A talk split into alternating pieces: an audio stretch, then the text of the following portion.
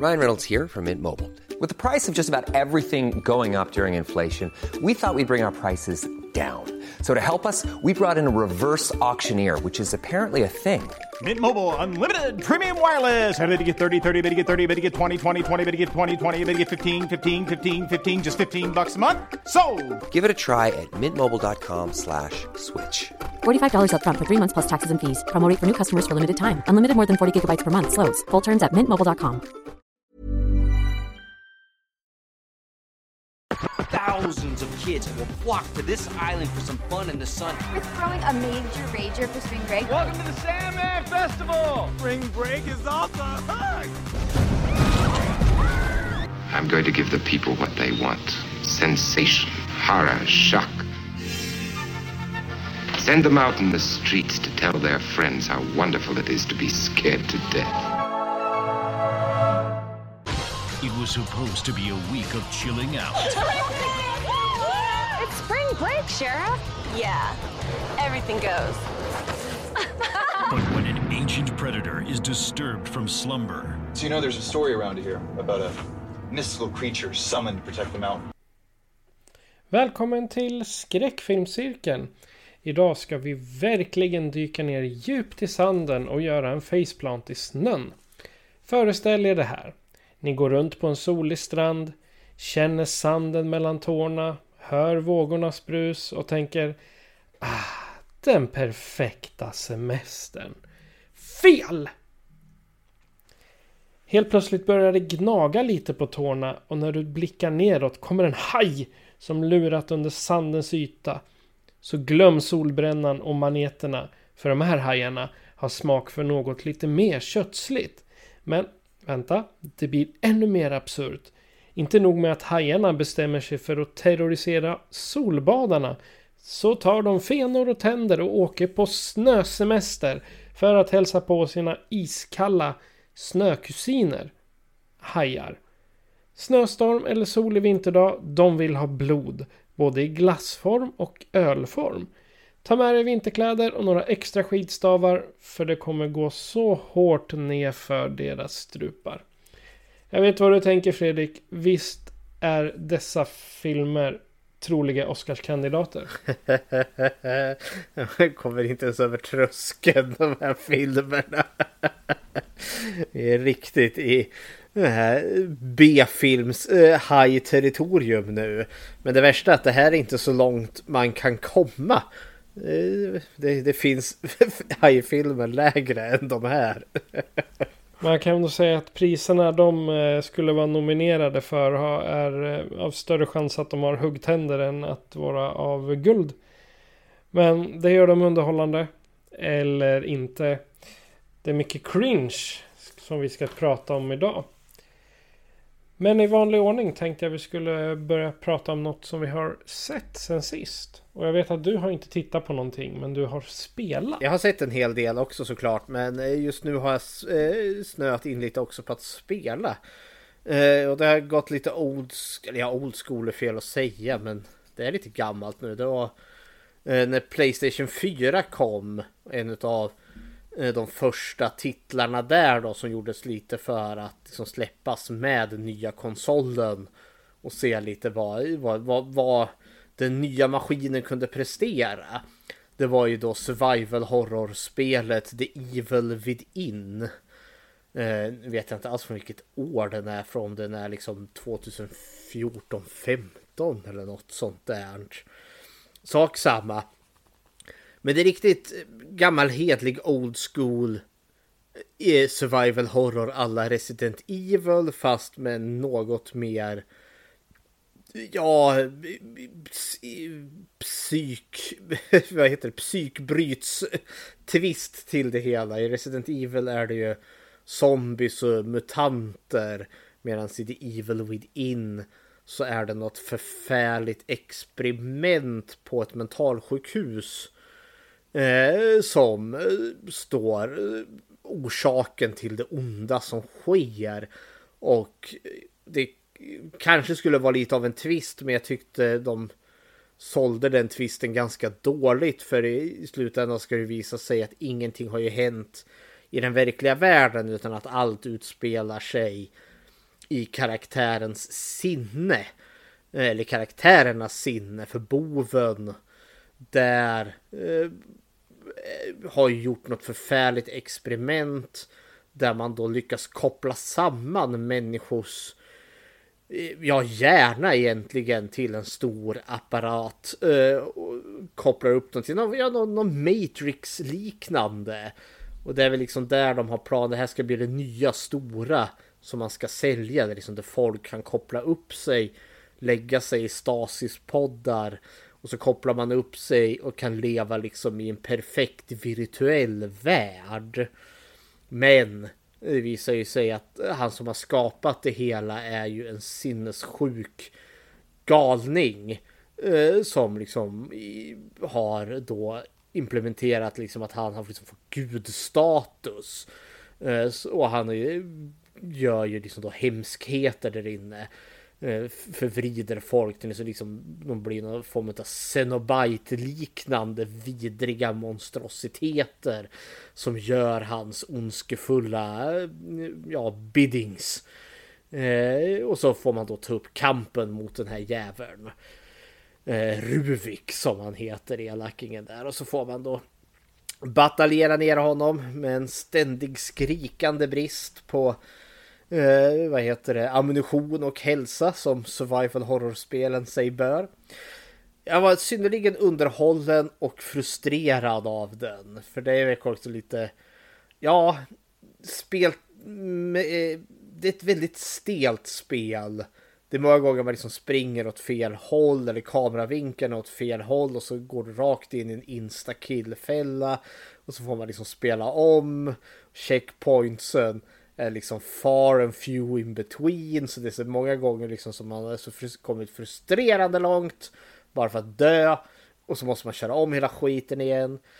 Men sen är det samtidigt awesome monster som man möter. Sådana groteskligheter som skulle få Silent Hill att blekna lite i jämförelse. Men ja, eh, jag var underhållen och frustrerad eh, samtidigt. Är det något som du har spelat Patrik? The Evil Within? Nej, det är jag faktiskt eh, helt eh, okänd för. Eh, men de, eh, den kom 2014. Se där. Ja, det kom en uppföljare också sen. Ja. Det, det spelet kom 2014 i alla fall. Det var, jag googlade medan du pratade. Den, den har också hetat Psycho Break eller Saiboreiku. Ja, ja, ja. Japan där då. Ja, precis.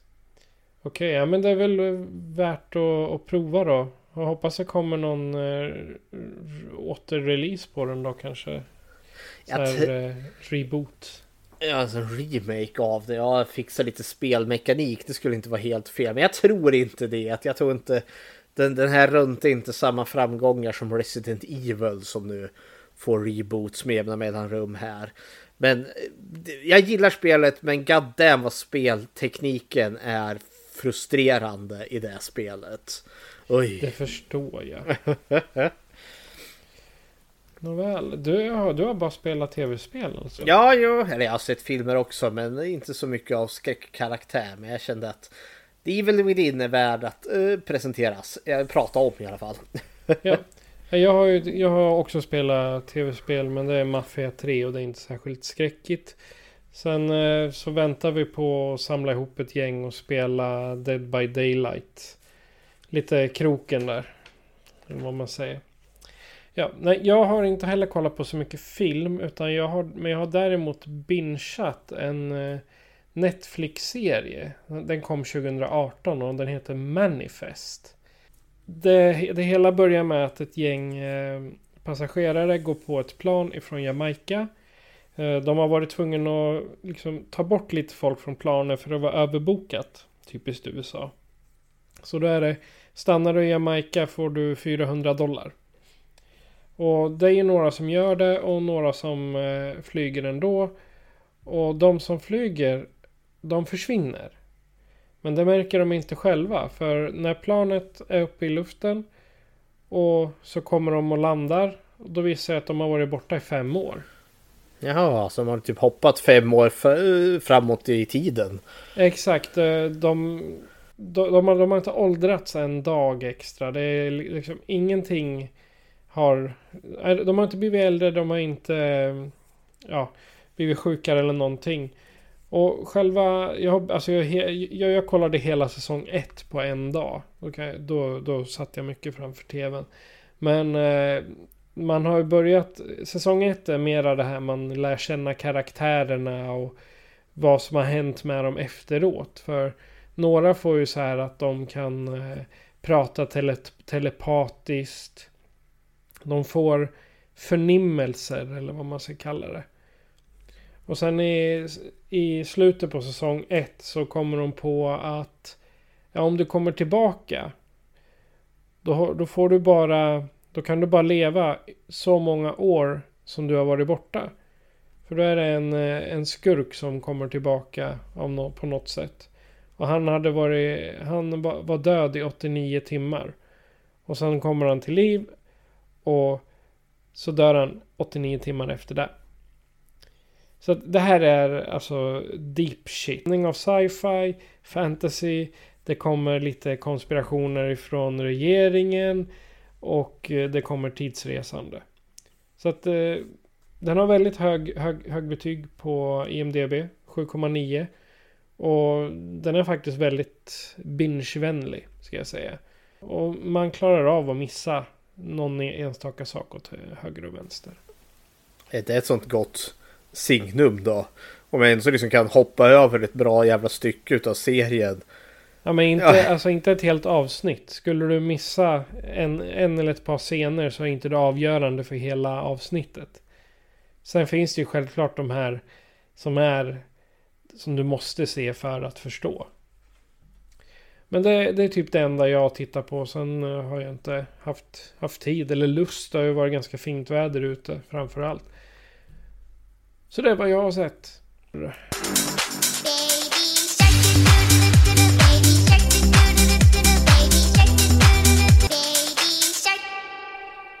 Det är dags för ytterligare ett avsnitt i Year of the Shark. Ja, och nu... vi utnämnde ju 2023 till The Year of the Shark. Och gav ju upp till våra lyssnare att ge oss eh, filmtitlar att se. Eh, och just nu eh, ångrar jag det. Lite spoiler alert för vad jag kommer tycka om de här filmerna. Men nu är det ju som så att vi har ju den fantastiska Kristoffer Hoff Nilsson att tacka för det här. Också en av de två eh, poddarna i den eminenta podden eh, podden som fruktade solnedgången eh, som vi har gästat och som har gästat oss med jämna mellanrum. Ja, jag tror att jag ska sluta lyssna på dem. De ger oss sånt här skit. ja, det lustiga är att av de två, eh, det, det, är ju Kristoffer och Niklas där. Eh, det är ju de här filmerna känns ju mer som något som Niklas skulle välja. Som att Kristoffer eh, Hoff där, han brukar ju gärna välja liksom i deras egen podd så här liksom, ja men de oskyldiga, den här norska hemska svåra filmen, Hereditary, eh, liksom The Killing List eller allt vad det är. Jo, liksom så här svåra, djupa, existentiella filmer. Och så vräker människan ur sig, ja men Sand Shark och Snow Shark och liksom bara hopp, hepp. Av just Jag har en känsla av att han medvetet gav oss en lite sämre film bara för att liksom.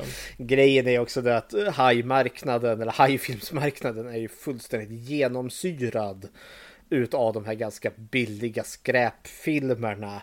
Och just här, Sand Shark är från 2012 och eh, Snow Shark är från 2014. Snow Shark heter egentligen Avalanche Sharks Eh, dess originaltitel och sen har de bytt titel till Snow Shark. Vilket är aningen förvirrande för det finns typ två, tre filmer till som har typ titeln Snow Shark. Men det som länkar dem ihop eh, det är då producenten Eric Scott Woods som också spelar en roll i vardera film.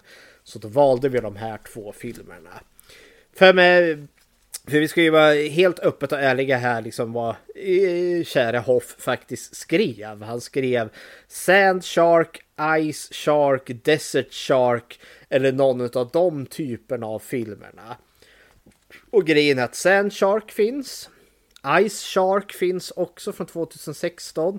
Men Desert Shark finns inte. Och jag hittade inte ens en alternativ titel med Ökenhajen. Så därför tror jag liksom att ja, men han var inte så noga med exakta titlar utan han bara skickade liksom ett de här typerna. Så vi har då valt bort Ice Shark eh, från 2016 och då valt att fokusera på Sand Shark och dess syskonfilm Avalanche Shark. Så inte Hoff här kommer och huttar med näven då. Han liksom skriker vart är Ice Shark och vart är Desert Shark som vi som inte överhuvudtaget finns. Jag Bara... tittar på, på de här varierande titlarna i, i, i världen. Det är typ 50-50 att några länder kallar den för Snow Sharks och några kallar dem för Avalanche Sharks. Sharks. Snow Shark är ju den mer logiska titeln eftersom att Avalanche, visst vi har lite laviner men de är inte särskilt, alltså hajarna har ju ingenting med lavinerna att göra. Jag trodde de liksom skulle komma liksom med, ja, vi kommer när vi kommer till den filmen, men ja, hepp. Ja. kan säga att Japan kallar det för Ice Jaws. Ice Jaws. Det är ett, det är ett grymt namn ärligt talat. Ja, kära värld. Men i och med att Sandshark ändå så är ihoplänkad, det är som det är syskonfilmer här, så valde vi dem och så tror jag vi Hoff får vara nöjd ändå. Så tack Hoff! Och dra åt helvete Hoff för att ha valt de här filmerna åt oss. Fast visserligen vi får skylla oss själva. Det var också vi som sa att vi skulle ja, se de filmer som erbjöds här. Men vi är verkligen i botten av tunnan och skramlar runt just nu. I want you to find the tallest skyscraper you can and throw yourself off and then go fuck yourself! Åh, hon är så arg denna Vanessa. ja. Men vi tar väl och kör en trailer till Sandsharks då från 2012. And here it is. Thousands of kids will flock to this island for some fun in the sun. We're throwing a major rager for spring break. Welcome to the Sandman Festival! Spring break is hook! Something ate my boyfriend! A shark swimming in the sand! Sharks can't swim in the sand! I saw it! It moved through the sand like it was wood. It's a prehistoric sand tiger shark, a predator that has evolved to wear sand like a coat and travel through it like water. Everyone off the beach now, it's not safe. It was our civic duty to close this beach. That's really bad for business. Your party isn't on the sand, it's on the ice. If you kill this festival now, then this island could be dead with it. My word is money. It better be, otherwise your name is going to be on a tombstone. We got thousands of kids stuck on this island. No way to get them off. Napalm, baby.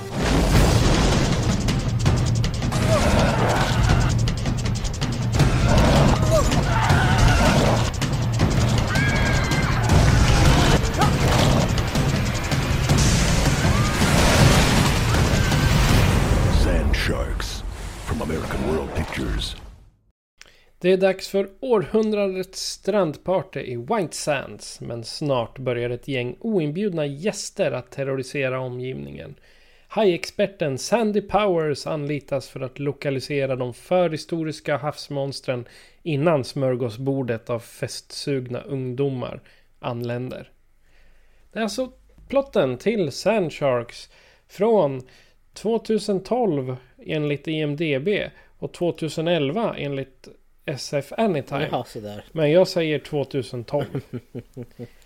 Så Fredrik, nu förutom att Hoff då tvingat på oss den här filmen.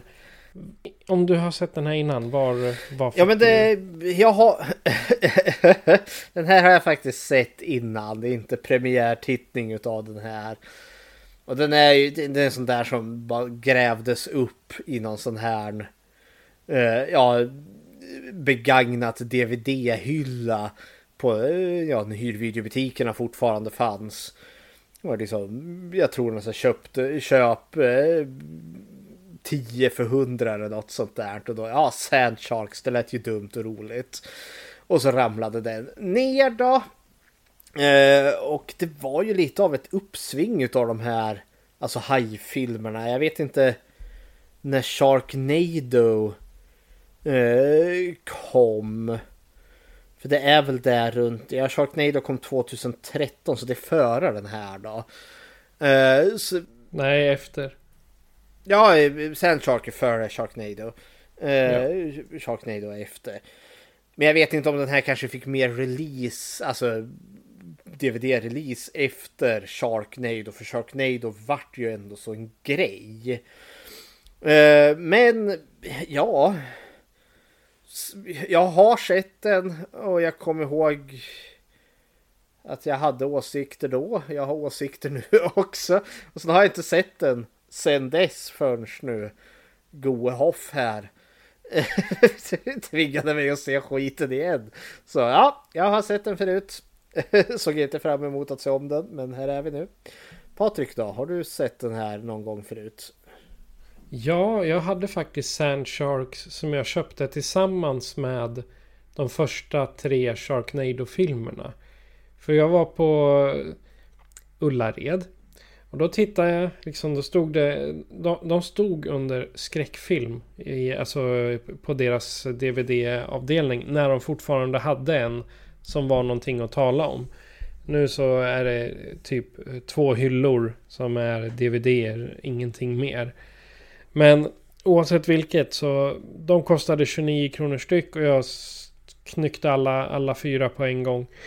Uh, och då så kom jag hem uh, några, någon vecka senare, poppade in den här i DVD-spelaren och tänkte ja men nu ska det vara lite action. Alla Jaws liksom, för då hade jag precis sett vanliga Hajen. Uh, nej, men jag får trots allt se Hulk Hogans dotter. Jaha i bikini. Det är väl inte illa. Sandy Powers är ju alltså Brooke ja, Hogan ja, ja, som är sådär. Hulk Hogans dotter. Ja, men det var liksom...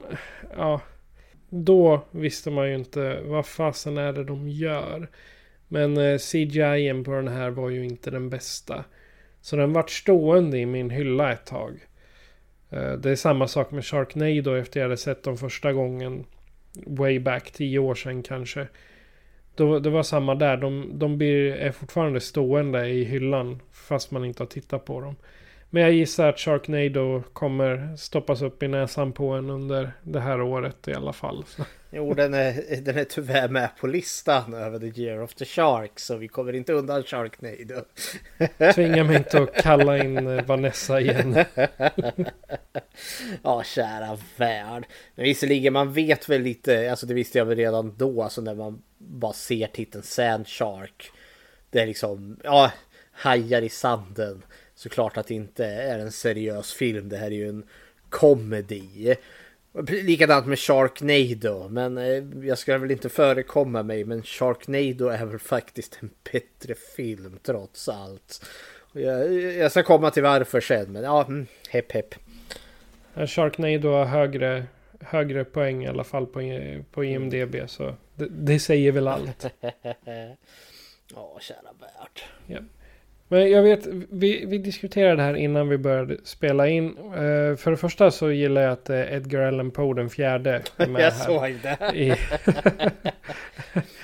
Nej, men, men jag, jag tänkte här. Uh, har du någon karaktär som du tycker som vi kan börja med? För, för jag tycker den här filmen är en, en kopia av någon, någonting annat.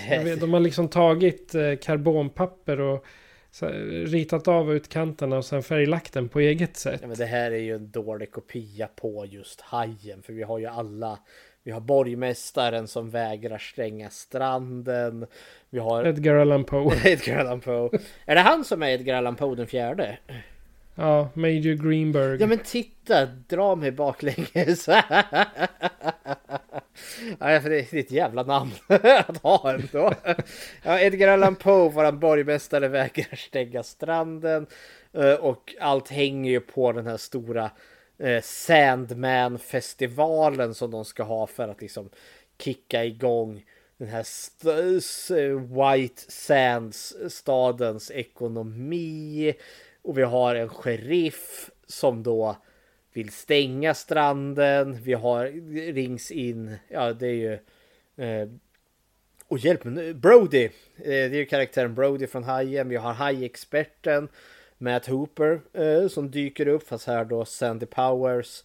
Och så har vi ju Angus, den eh, härjade liksom eh, fiskeveteranen som är då en expert på att döda sandhajar och det är ju Quint från eh, hajen där då. Men allt är ju pissadåligt gjort. Det enda då, och det kan vi börja då, med en någorlunda originell karaktär som inte finns med i Hajen och det är han som har toppbildning här på IMDB. Eh, karaktären Jimmy Green. Eh, eh också, eller Corin eh, Nemec. Han är en bortskämd snorunge i stort sett. han är ju en grifter-karaktär om jag förstår det rätt. Han lever gott på pappas pengar. Om man säger ja, så. det är ju sonen till eh, Edgar Allan Poe den fjärde här. Borgmästaren här. Och han, han är ju den som ska dra igång den här Sandman-festivalen och tjäna en jävla massa pengar på det. Och få pappa att gå med på det. Och han, han ska ju vara liksom en comic relief karaktär. För han är liksom så här lovable douchebag som bara strular till det eh, hela tiden. Eh, han har en jävla massa idéer eh, och allt går ju åt skogen för allt är ju half-assed och liksom han skjuter lite från höften och liksom har dealings med shady people. Eh, det ska väl ge att han är väl, eller Corin Nemec är väl ändå så liksom bland de få som har lite skådespelartalang i den här filmen ändå. Men jag blir ganska tidigt trött på den här karaktären. För han har så otroligt, alltså han är väldigt, typ inga redeeming qualities. För även om vi ska ha liksom en, en lovable douche, då tänker jag typ Peter Wenkman från eh, Ghostbusters, Bill Murrays karaktär. Ja han är också en riktig, han, han är en ganska egenkär, liksom douchig karaktär som får folk att, ja stackars Ray där som, vad är det, pantsätter sitt hus för att de ska köpa den där brandstationen. Till rysligt dålig ränta. Men det finns ändå sån moralisk kärna i den där, i, i, i, Bill Murrays karaktär. Och när saker och ting kommer till krita så gör han faktiskt rätt för sig. Medan den här Jimmy Green ska ju vara den här, liksom, han drar igång den här festivalen. Vi ska tycka om honom på något vis och vänster. Men han får aldrig någon form av redeeming quality. Han bara förblir i douchebag territorium. Han gör visserligen en offerdöd i slutet. Det är så sent och det är liksom... Uh, Nej, jag, jag har så svårt just för att vi har fått spendera så jävla mycket tid med den här karaktären. Och jag tycker aldrig om honom egentligen så. Nej, han är aldrig trevlig. Nej, även om han ska vara lite så här lovable douche, men han är mest bara en douche för mig. ja, han är inte särskilt eh, lovable. Men det är också den här, ja, han är ju den som också står för kanske mest humor i den här filmen. Men... I love the smell of napalm in the afternoon. Grejen är ju också den att, mm, som sagt det här är ju en komedi. Men den levererar inte så jävla bra på sin komedifront. Ah, ja. Sen eh, om det är just Corin eh, Nemex, eh, alltså fel, det tror jag nog inte. För han hade nog inte så jävla mycket att arbeta med. Men han gör väl så gott han kan utifrån den här vad den här filmen är. För det också som stör mig är att spoiler alert, alltså den här filmen håller inte ihop. Det känns verkligen som att den tredje akten, där tappar de bollen totalt i den här filmen. Mm. För det, det, finns ändå så någon form av vettig struktur och den här karaktären vet ju inte om haj, sandhajarna och när de väl dyker upp, ja men då får vi ändå så lite vettiga reaktioner. Men sen i slutändan, liksom, han är ju fullt medveten om dem och agerar exempelvis, ja, men, man, man står på asfalten för där kommer inte hajarna åt dig. Men du går inte på stranden för där kommer de åt dig. Men i slutändan är det som att han har glömt bort allt det här och de bara han rumlar omkring där på festivalen full som en alika där liksom och skålar till sin faders minne för ja, spoiler alert, Edgar Allan Poe den fjärde blir uppäten utav intressanta hajarna där. Och det är också det där som stör mig. Varför är han ute och ramlar runt på sanden? Han vet ju att hajarna finns där. Och då tänker jag då är det mer filmen som faller isär. Eh, för att filmen är för dålig. Än att karaktären är för dålig. jag hade lite så här. Jag, jag, han var väldigt trevlig i den här filmen om man jämför med hans roll som Harold Lauder i Pestens tid två år senare. Mm. Nej, men, två, vad säger jag? Nej, förlåt, åtta år tidigare. Ja. Han, var, han spelade Harold i Pestens tid, eh, originalserien. Say what? Ja men det gör ja. han ju. Ja. Oj, att jag inte kände igen honom. Nej men det är ju åtta år innan. Så han är ju mycket yngre och spinkigare då. Nej, det, det var så åtta år efter menar du? Vänta, den är från 2012. Det är 18 år efter. Nej. Pestens... 94. Miniserien spelades ja. in 94. Ja, ja, ja, ja förlåt. Ja, och han var ja, med 94. Så han har liksom blivit 18 år äldre sedan dess. Ja, det är han som också är... Eh, som spelar Parker Lewis i Parker Lewis-serien. Den såg Herre min ge. Shit, han har inte åldrats väl. Åh, kära någon. Oj, ja då föll han. Säg, säg någon som åldras väl. Ja, nej usch vad tråkigt. Uh, för jag menar, jag gillar ju Parker Lewis och jag gillar verkligen Pestens tid från 94. Uh, eh, och Harold, den otäcka Harold där. Det, det är ju en genuint bra rollprestation. Men sen ja, hamnade han i det här då, tv-filmsträsket. Åh, nu vart jag ledsen. Han gör ingen bra, bra prestation här i alla fall. Så... Och ändå så är han den som levererar den bästa i, i det här gänget. Exakt, han är, inte, han är inte så jäkla krystad för det är alla andra. Ja, men alla är liksom pastischer, det är liksom... Ja, det, det är stereo, det är inte riktiga karaktärer utan det är liksom Nej. spelade liksom tecknade... Stereotyper. Ja, överdrivna stereotyper i den här filmen. Det vi också förstått är att han har ju tydligen redan gjort någon festival för ett x antal år sedan får vi reda på i filmen. Och då dog 15 personer. Så det är därför lite kontroversiellt nu när han vill komma tillbaka och göra någonting igen. Och jag tänker, say what? Det känns som att det finns någonting, någon berättelse här liksom. Ska det här återkoppla någonting till Sandhajarna till varför de finns här? Nej, det är bara en sån throwaway away replik. Vilket för oss då också till, vi kan, vi kan ta sheriffen här nu. Eh, eh, Sheriff Joan Stone. Eller då Eric Scott Woods. Som är väl typ våran manliga huvudrollsinnehavare i den här filmen. Som också, ja. som också är då, eh, vad heter det, producenten för den här filmen och nästa film. Ja. För där får vi också bara en throwaway replik till han. Ja men eh, din fru och dotter dog ju i en hajattack. Jaha. Okej. Okay. Ska vi återkomma till det? Liksom han har någon form av trauma? Nej, då, nej, det återvänder aldrig till det. Men våran sheriff här då? V vad tycker du om sheriffen? Jag kände igen honom från första början. Uh, och jag vet ju varför. Han är med i Creepshow. Jaha, så där. I ny, den nya. Ah, ja. 2019-2021. Ja, den har inte jag sett. Nej, han är med, han är med i Creepshow där, 14 avsnitt. Oh. Men jag tycker liksom inte han...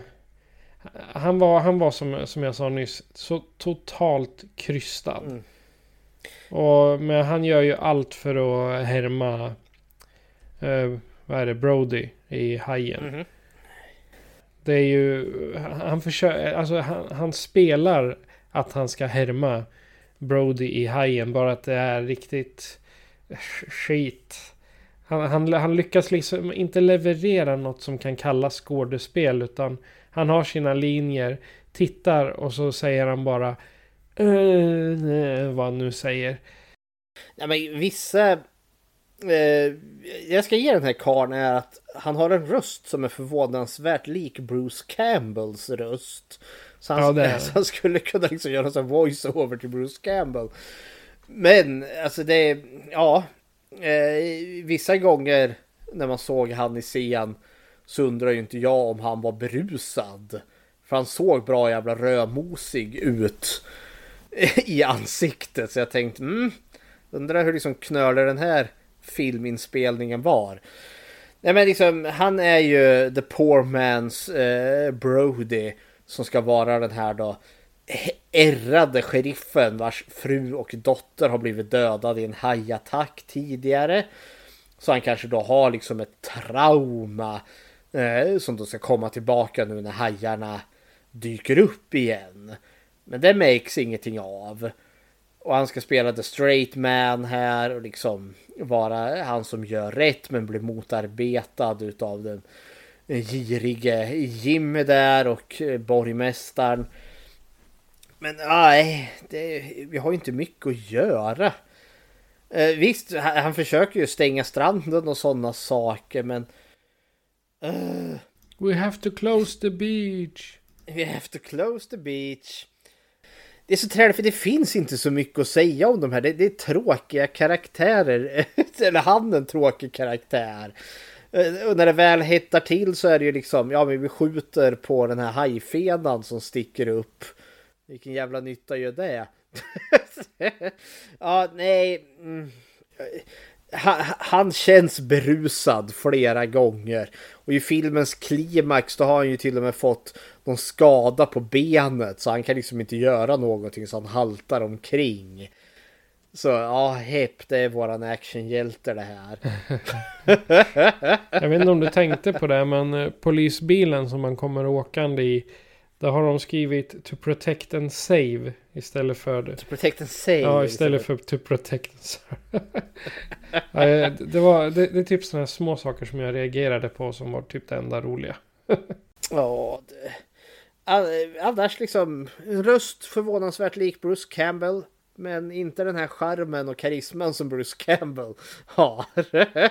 för den här filmen behöver mycket mer pajighet för att den överhuvudtaget ska funka.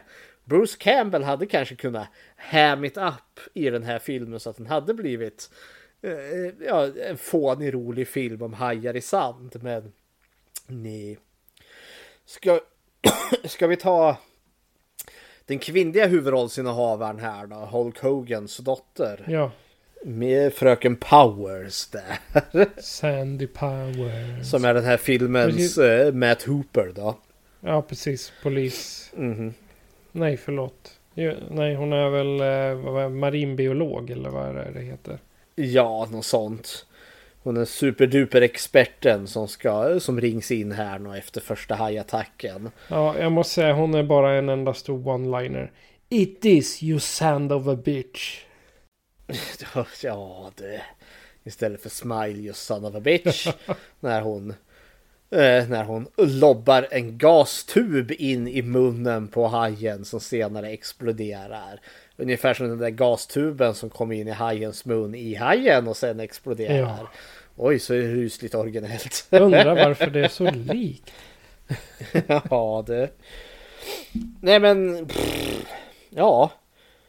Hon är en brud som är marinbiolog. Hon har jättestora pattar. Det har Ja. hon. Eh, och hon kan förklara exposition till att eh, varför hajarna kan simma i sand för de har någon lustig eh, ja, det det är något med deras skinn som gör att sanden blir som vatten runt omkring dem. Ja.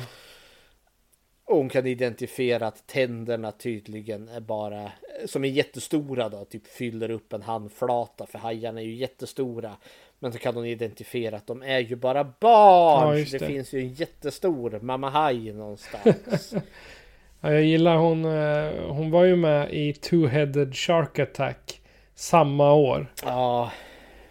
Ja, kära Tillsammans värld. med, vad är det, med Carmen Electra är väl med i den filmen. Ja, ja, ja. Ja, det är hon. Okej. Nej men alltså det... hon har verkligen ingenting. Alltså det finns ingen karaktär här. Hon är hajexperten som är där för att vråla ut exposition. Uh, och sen bara då något form av eye candy och eventuellt kärleksintresse till uh, sheriffen här. Så jag tycker aldrig det, det, blir något sånt. Nej, för filmen committar inte. Vi, vi har ju ingen karaktärsutveckling någonstans utan karaktärerna är bara där de är. Sheriffen är sheriff. Eh, skojaren Jimmy är en skojare. Hajexperten är en hajexpert. Och sen får vi, är de aldrig något mer än så. Nej. Så, nej. Brenda Stone, är det hans poliskollega? Ja, det är hans poliskollega och som då eh, var eh, fästmö hans skojaren Jimmy.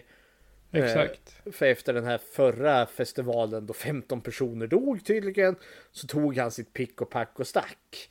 Och nu är han tillbaka igen. Eh, för att göra ett nytt scheme då, Sandman Festival. Och hon ska ju lite vara med, alltså hon var den enda karaktären som jag gillade lite ändå. För att, ja men hon säger hon, hon svär åt han Jimmy hela tiden. jag vet inte, jag gillade just skådespelerskan Vanessa I Ivigen. Eh, för jag tyckte hon gjorde ganska bra ifrån sig. Men i övrigt så är hon verkligen mest bara jag är polisbeträdet och sen är det sura eh, före detta frun här som står lite med armarna i kors, liksom brödkaven i högsta hugg här. Här är du din odugliga kar, usch och fy. Sen, sen fick hon väl en väldigt rolig eh, dödsscen. Eh, den enda liksom scenen som var, alltså som den här filmen hade behövt mer av. Eh, hon blir ju biten i två. Det är Jimmy och hon försöker fly från stranden. Och så kan han försöka hjälpa henne genom att liksom trycka in inälvorna i henne igen. Åh, detta kommer bli bra. Ja, det, det, det, det, var liksom så härligt groteskt roligt. Men det är typ enda gången filmen är det. Så, ja. Det är enda gången det är cheese i filmen. Ja, eller ja, då de liksom tar i. Hade det varit mer av den varan, mm, då hade det här varit en annan typ av film. Men annars, nej, hon är den sura exfrun och sheriffassistenten. Sen får vi komma till min favorit, Aha. Angus McSorley. Angus Han är inte med så mycket. Ja, det är Quint. Ja, precis. Quint-karaktären. Det hade ju verkligen... Ja. Hade ju med eh, strax i början där, där vi har den här kopian utav från Hajen, där de har det här stadsmötet. Där liksom bybefolkningen liksom står där och hötter med näven. Nej, vi kan inte stänga stranden. Och så drar ju Quint handen över griffeltavlan. Jag kan fånga hajen, men då kostar det sig och så. Men i den här har du exakt samma sak då, fast det är Angus som står där och säger att han kan fånga en sandhaj minsann. Och sen är han borta fram till filmens sista tio minuter då han dyker upp igen. Han drar bara såna här korta one-liners i stort sett. Men han var också, han, den karaktären hade de också på den här cheesy nivån som hade behövts mycket mer av. För han är också sån överdriven karaktär som senare går ut och skjuter sandhajar till höger och vänster så han liksom är helt täckt i blod sen. Men det irriterande är att vi får aldrig se honom göra det utan vi får bara liksom se att han går iväg och så skjuter han hajar off screen och så kommer han tillbaka neddränkt i blod. Jag gillar det också när, när det, är, det är mot slutet när han säger bara Who wants some fried fish? Jag, när jag satt och kollade på dem där då skickade jag i chattgruppen bara Who wants some fried fish? Mm. Ja men det är också för att här, deras sätt att besegra sandhajarna är ju att eh, värma upp sanden så pass att den blir till glas. Och det kan ju han göra med hjälp av en eldkastare. På en M16. ja, mm, mm, ja, kära Återigen, det hade kunnat funka liksom i en dummare film. Alltså om filmen vore medvetet mer pajig.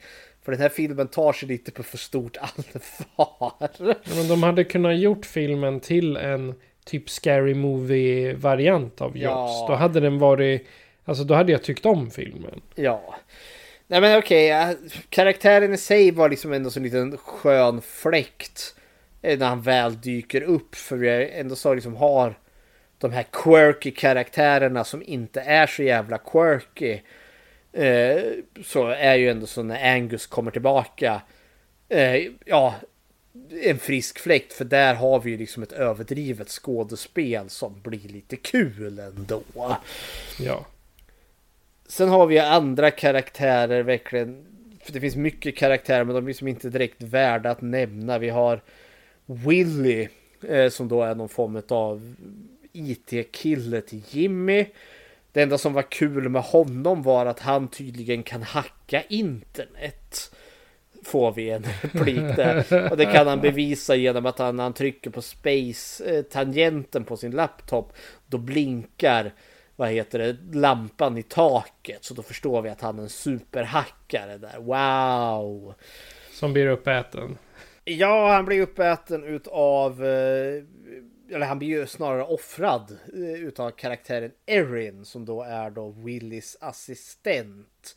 Som då är praktikant. eh, Och det vill ju inte hon vara längre så hon lobbar ju en glasflaska i huvudet på honom. Och sen när hon ska gömma undan honom så dyker det upp en sandhaj och då knuffar hon ju hans medvetslösa kropp in i sandhajen där. Eh, För att hon vill ju move in on the money. Och sen eh, precis i filmens slut där så ser vi att hon kommer tillbaka igen efter att allt kaos har varit över. Och så får hon en ny deal.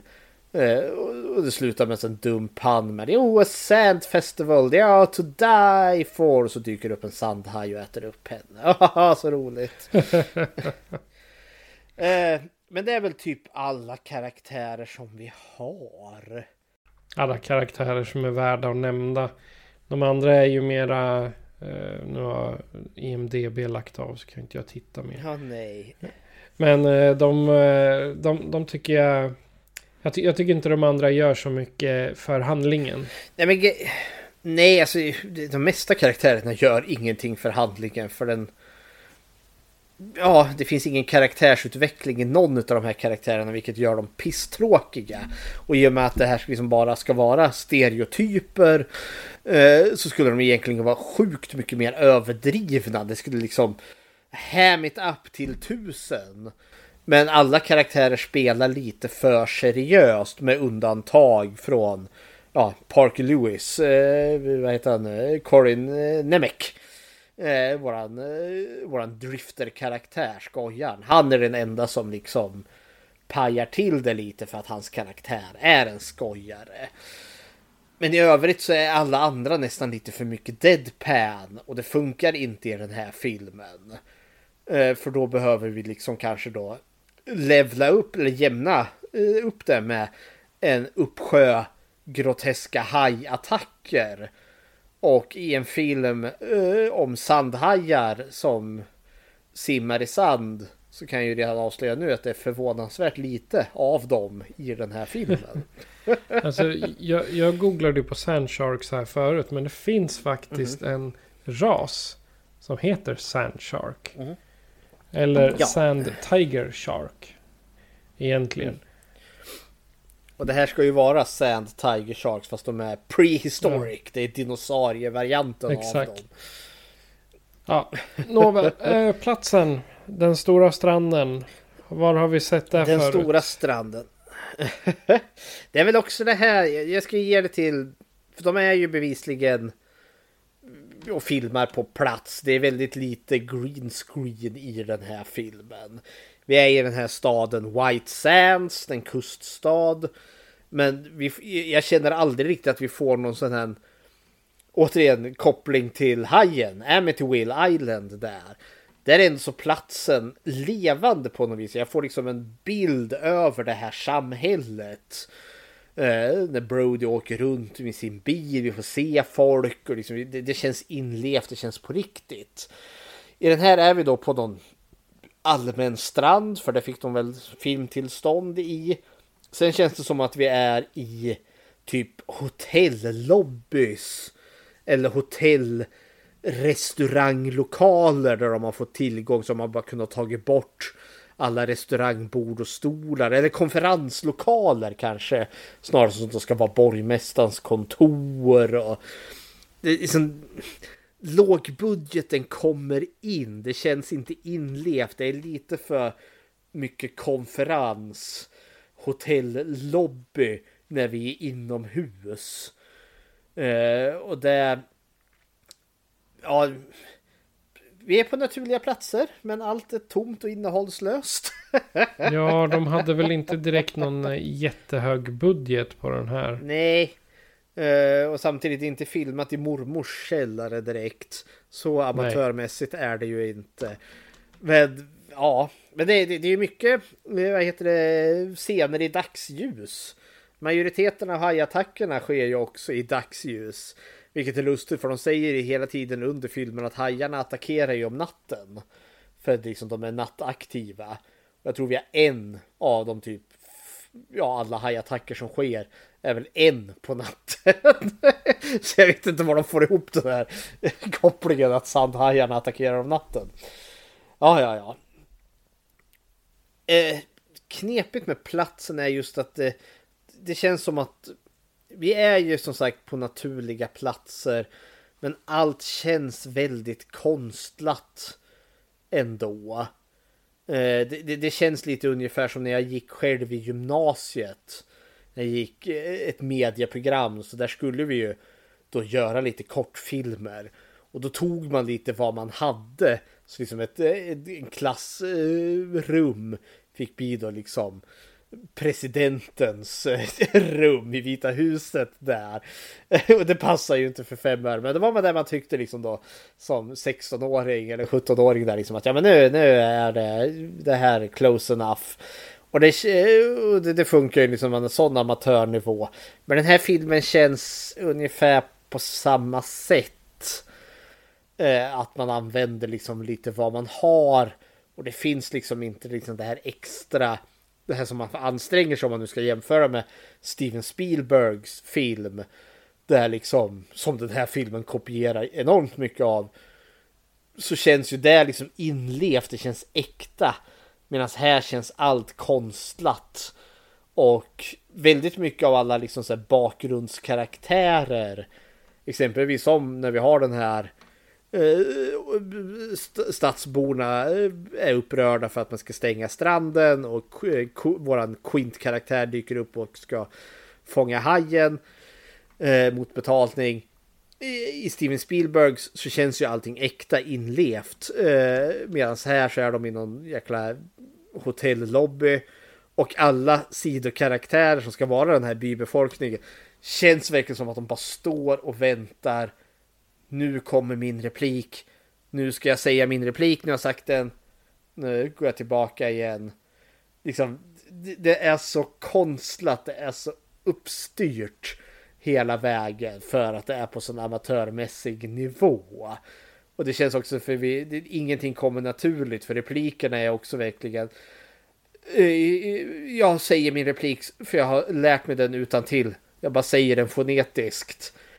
Istället för utan någon form som helst inlevelse. Ungefär som när jag var 16-17 år och vi gjorde amatörmässiga filmer på gymnasiet där. oh, och det sänker den här filmen enormt. Och det tänker jag, det, det får bli en del utav miljön. Likaså den här Sandman Festival. När vi har de här 10 000 besökarna som är på stranden. För vi ja, som ska komma. Ja men det, de säger också, för nu har de, de har ju kommit allihopa, det är ju en jättesuccé. Oh shit vad mycket människor så vi kan ju inte stänga.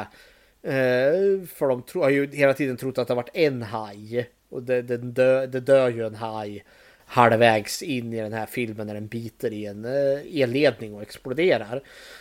Uh, så därför tror de att hotet är tills det visar sig att det finns flera hajar. Och då säger jag, men nu har de ju kommit, de här tusentals besökarna.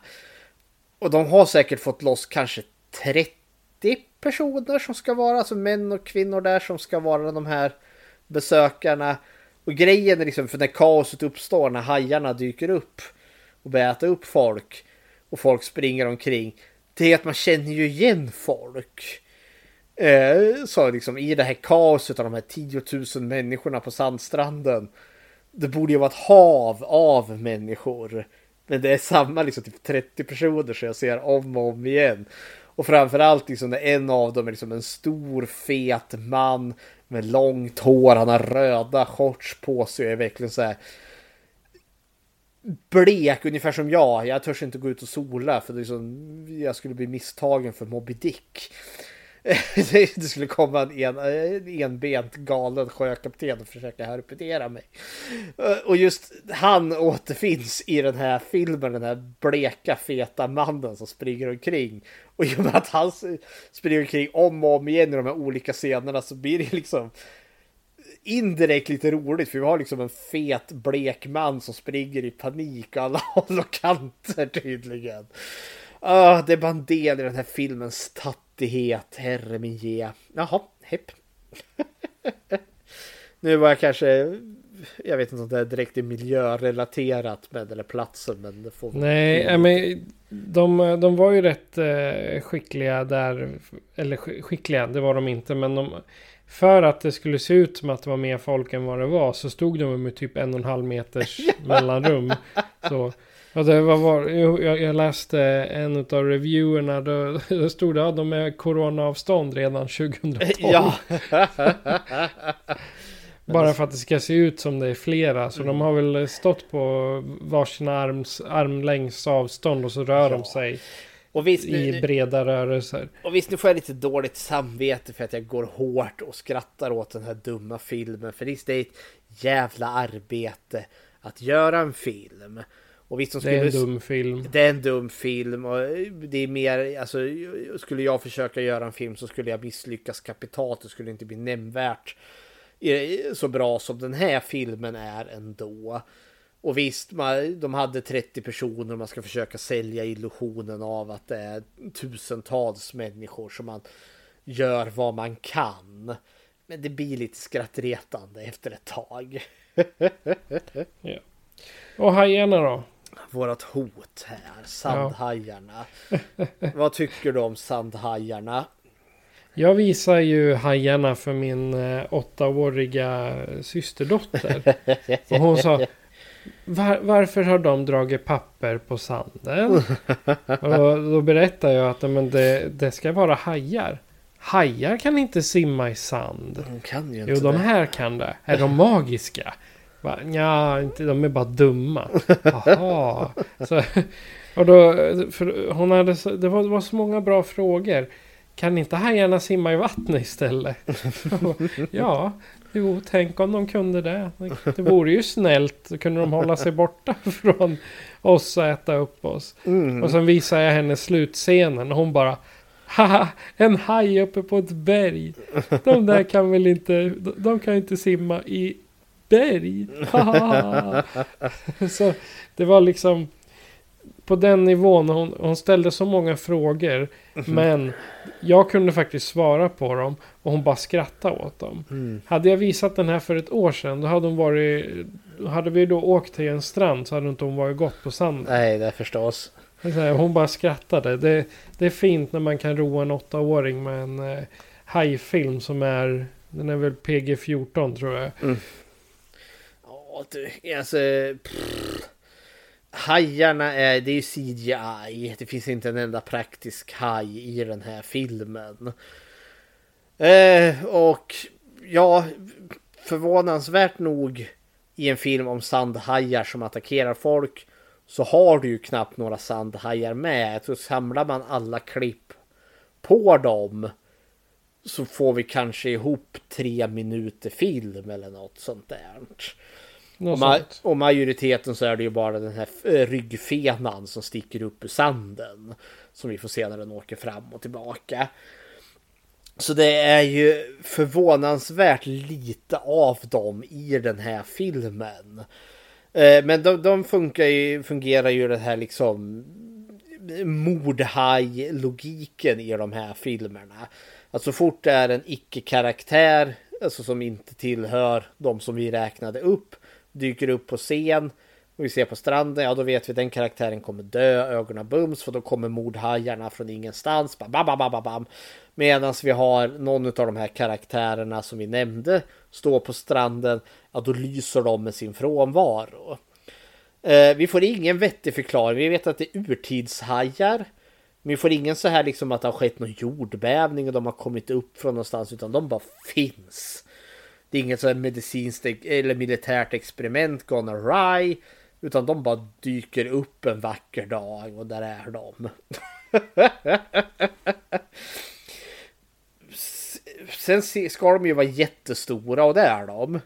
Men de ser ju ungefär ut som att de är bruna och skrovliga till hyn. Och så ser man dem omkring och det är mycket så här att de hoppar upp. Man får liksom se liksom gapet komma mot eh, kameran och så försvinner det liksom in i munnen och det blir mörkt och så hör man personen skriker och hör liksom knasper. Eh, så förstår man att det är personen som dör.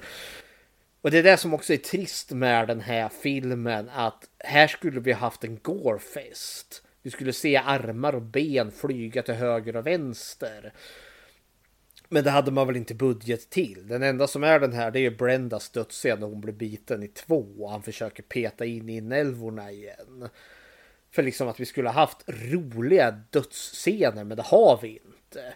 Det är väldigt mycket så här någon person är filmad från midjan och uppåt. Eh, och sen då förstår vi att ja, personen kommer bara ryckas ner och då förstår vi att ja, det är en haj som har dragit ner han i sanden där och nej så läskigt. Och så panorerar det över och så har någon typ spruta ketchup på sanden som ska då föreställa blod. och det är det som är problemet. Den är tråkig. Alltså i den här. Jag behövde mycket mer går. Jag behöver liksom larva till det. Jag behöver se folk liksom klyvas i två och det bara försvinna rakt ner i gapet på de här sandhajarna. Det är liksom, mm, den har ingen humor, eller humorn den har, eh, cringy som du säger. Och den har ingen gore. Och det är ingen naket, för det är som du säger, det här är en PG-film. Du får inte ens se några boobs eller butts i den här filmen.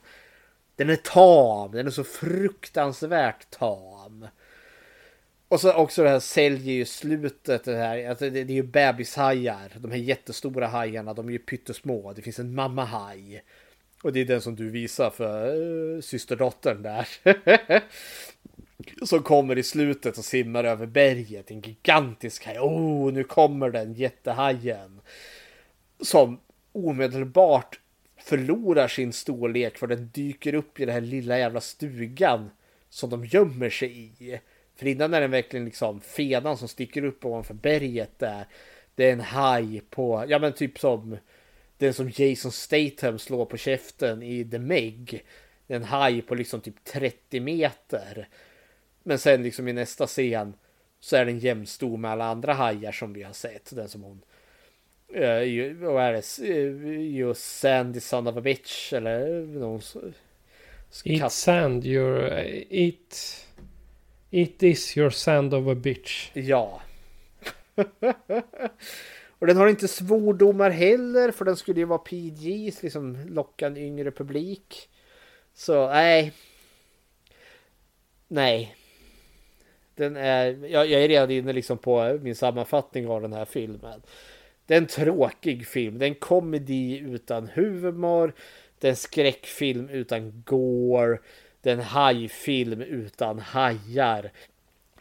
Och det är väl lite det som är signumet för de här filmerna som kom här runt omkring där vi bara hade de här pajiga liksom Toxic Shark, Two-Headed Shark, eh, Swamp Shark, Zombie Shark, allt vad fan det är. De följer ungefär samma signum som den här filmen. Vi har liksom en ensemble, ganska trista karaktärer av, av inte ens B-skådespelare utan C-skådespelare. Och vi spenderar majoriteten av tiden med de mänskliga karaktärerna. Och det är inte kul.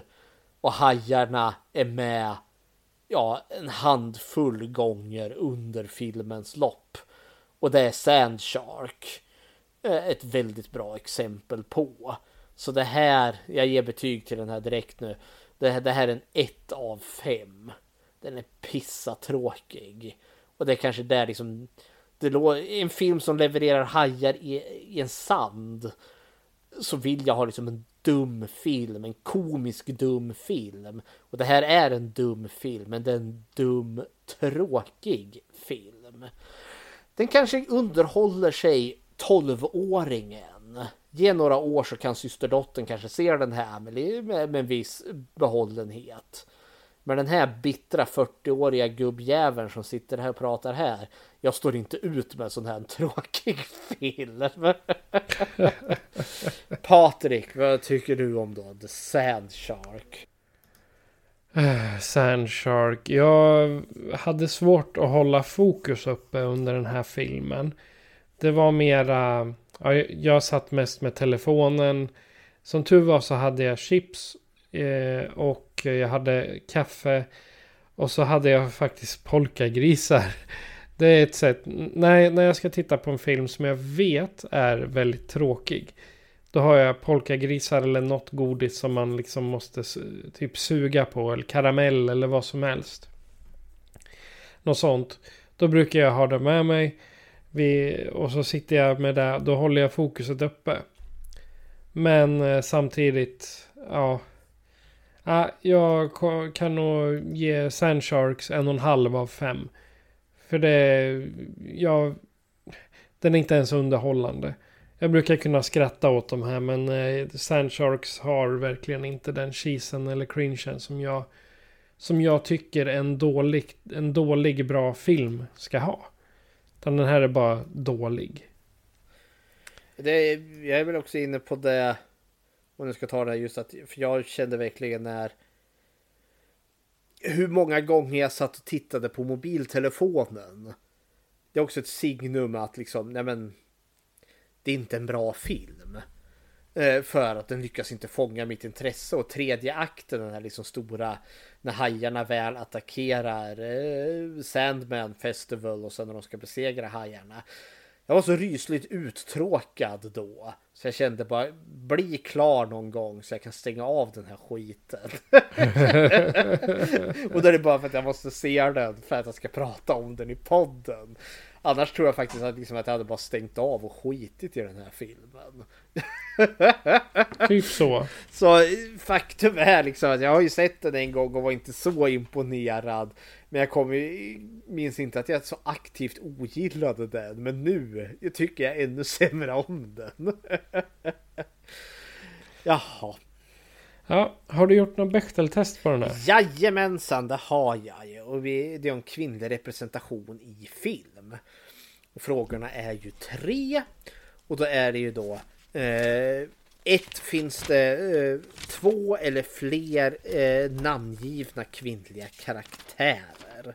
Och ja, det gör det ju. Vi har ju Dr. Sandy Powers. Eh, vi har Brenda Stone. Vi har Erin, eh, hon eh, assistenten där som, eller praktikanten som offade sin eh, chef. Eh, och sen hade vi Amanda, någon form av eh, Eh, vi pratade aldrig om henne men hon var liksom sen liksom att hålla koll på hans skojaren Jimmy. Eh, så ja, ett, det klarar den. Två, möter de någonsin varandra? Ja, i stort sett alla kvinnliga karaktärer möter varandra. Eh, tre då, om de möter varandra pratar de om någonting annat än män. Eh, grejen är att de här kvinnliga karaktärerna typ pratar aldrig med varandra förutom en enda gång. Eh, då Dr. Powers och eh, nu ska vi se vad heter hon nu? Brenda eh, sheriffassistenten där pratar med varandra. Men de pratar om, om sheriffen. John där då. Och han är ju väldigt mycket en man. Så nej. Eh, på fråga nummer tre skiter det sig. Så Sand Sharks klarar inte Bechteltestet. Okej. Okay. Men vi eh, tar och hoppar ifrån varma stränder till höga berg och eh, jag skulle säga djupa dalar ungefär. Men det, det gör det inte alls utan höga kalla berg. Så fram med skidstavarna nu. There's never been a faster or easier way to start your weight loss journey than with PlushCare. PlushCare accepts most insurance plans and gives you online access to board-certified physicians who can prescribe FDA-approved weight loss medications like Wigovi and Zepbound for those who qualify. Take charge of your health and speak with a board-certified physician about a weight loss plan that's right for you. Get started today at plushcare.com slash weight loss. That's plushcare.com slash weight loss. plushcare.com slash weight loss. Hey there, it's Michelle Norris. I'm host of a podcast called Your Mama's Kitchen. When I travel, I'm usually looking for a way to find a taste of home when I'm not at home. And one of the things I love to do when I am at home is entertain. And Airbnb allows me to do that. When I was in California recently, I rented a house that had a great kitchen. And when we were sitting around the table, we were all thinking, we're in someone else's house. Someone could be in all of our homes as well. If you have a home, but you're not always at home, you have an Airbnb. Your home might be worth more than you think. Find out how much at airbnb.com/slash host. åker vi till Snow Sharks. It was supposed to be a week of chilling out. It's spring break, Sheriff. Yeah, everything goes. But when an ancient predator is disturbed from slumber, So you know there's a story around here about a mystical creature summoned to protect the mountains. They say it swims through it like a shark. what started out as a mammoth vacation is about to go downhill fast. Oh, crap. Get out! Now! Now! Now! Now! There's nowhere to hide! They've tasted human flesh! What happened? Sharks, man! Now, if they're going to make it off the mountain in one piece,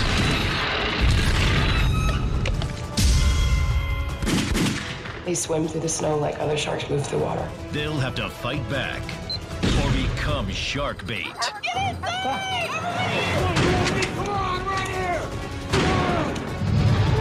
Snow's gonna run red with your blood. In the coolest action horror adventure that will have you scared stiff.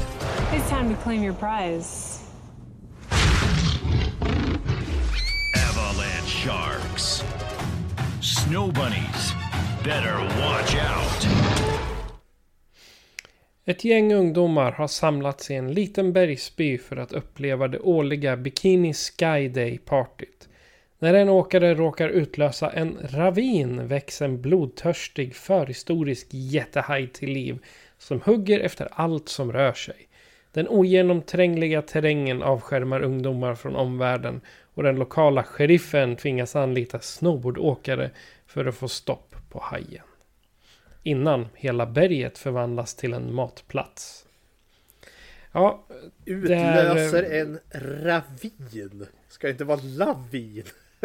Ja, över, ö- ja men lavin, ja ravin det är väl bara massa stenar. Jajamensan. Okej, nu, nu är det så. Man ska inte lä, läsa blint på baksidestexten. Eller baksidestexten. Det här står faktiskt på SF Anytime. Jaha, se där, se där. Så med bra, bra svenska där måste jag här säga. Google Translate eller något sånt. Förmodligen, förmodligen. Jaha, men eh, Snow Sharks eller Avalanche Sharks som de säger i trailern. Vad har du att säga om den? Eh, ja du. Det här är ju i stort sett samma sak som Sand Shark fast lite marginellt lite roligare tänker jag säga att den här är. För den här är något mer pajigare. Känns som att de har lärt sig något från eh, Eh, sand Sharks och liksom rampa upp lite utav dumheterna. Men det var inte mycket. Den här eh, skamligt nog har jag också. Jag, Sand Sharks har jag ju på DVD. Det hamnade ju i bargain bin. Snow Shark eller Avalanche Shark har jag till och med på Blu-ray. Eh, hör och häpna. Men det är, eh, kan jag uteslutande skylla på min bror ändå. Eftersom att han eh, eh, vart lite betuttad i en cool tjej från Göteborg och hon har en jätteförkärlek till sådana här skitfilmer. Och då tänkte jag, ja men eh, jag spray, sprang förbi den där liksom för typ en tia på någon jävla loppis. Och då tänkte jag, ja men det här kan vara kul och så kan liksom brorsan och hans tjej där liksom nu få, eller hans blivande fru faktiskt nu, få, en Oj, oj, oj. eh, få en dålig filmafton. Och det hade de och de var så nöjda så. Så jag skyller allt på min bror. och men upptäck- vadå? Ja, och sen upptäckte jag att det finns ju en koppling de här två filmerna sinsemellan. Eh, Ja. Vad är dina initiala tankar? Första mötet med eh, Avalanche Shark. Ja, Avalanche Sharks eller eh, Snow Sharks. Den ramlade förbi mig när jag satt och bläddrade runt på Amazon Prime. Och eh, orsaken till, orsaken till att den ramlade på det var för att jag hade VPNen på USA. Så att den, den finns inte på svenska utan ska du se den i via Prime så måste du ha en VPN. Vad kan ni säga till mig. alltså Prime, eh, Amazon Prime är ju en sån där liksom, där de har mycket B-skitfilm. Och Avalanche Shark, Sand Shark, de är liksom right up their alley. Och det tycker jag är lite kul ändå, ska jag villigt erkänna. Ja. Bö. Bör, ja precis. Eh, Men eh, den ramlade förbi där när jag satt och... Jag minns inte. Jag, jag satt och, och, och jobbade bara med den och sånt. Eh, jag tror jag satt och höll på med någon hemsida eller något och då hade jag det på sidan. Och inte för att det var den bästa, bästa saken jag har sett direkt. Men jag tycker ändå att den var, den var rolig. Men det var, den var, man, man rådde sig liksom med den. Det, det var inte mycket mer än så. Så att, eh, nej, jag, jag fastnade för den. Och eh, jag, jag såg den från början till slut utan att liksom avbryta. Så. Ja, det gjorde inte jag. Jag gjorde ett x Nej. antal avbrott i den här jävla filmen. och jag har sett och scrollat på telefonen och jag har gått upp och liksom gjort annat. Även om jag sa att den är lite roligare än Sandshark så är det fortfarande inte en bra film. det var lite flera gånger jag satt och liksom tänkte jag ska inte dammsuga istället. Det är mer produktiv tid än att sitta och titta på den här jävla filmen. Nej, men det var... Ehm, nej, det, jag, jag, jag såg den faktiskt från start till början utan att behöva göra som du gjorde. Så. Men eh, det, jag, ty, jag tyckte det var kul. Eh, inte för att det är en, en bra film som så, utan den har mera... Den här har det här cringet och cheesen som jag saknade i Sand Sharks. Den tar ut svängarna lite mer. Vi har lite mer dumma kills i den här. Specialeffekterna är smidge bättre, men det är lite...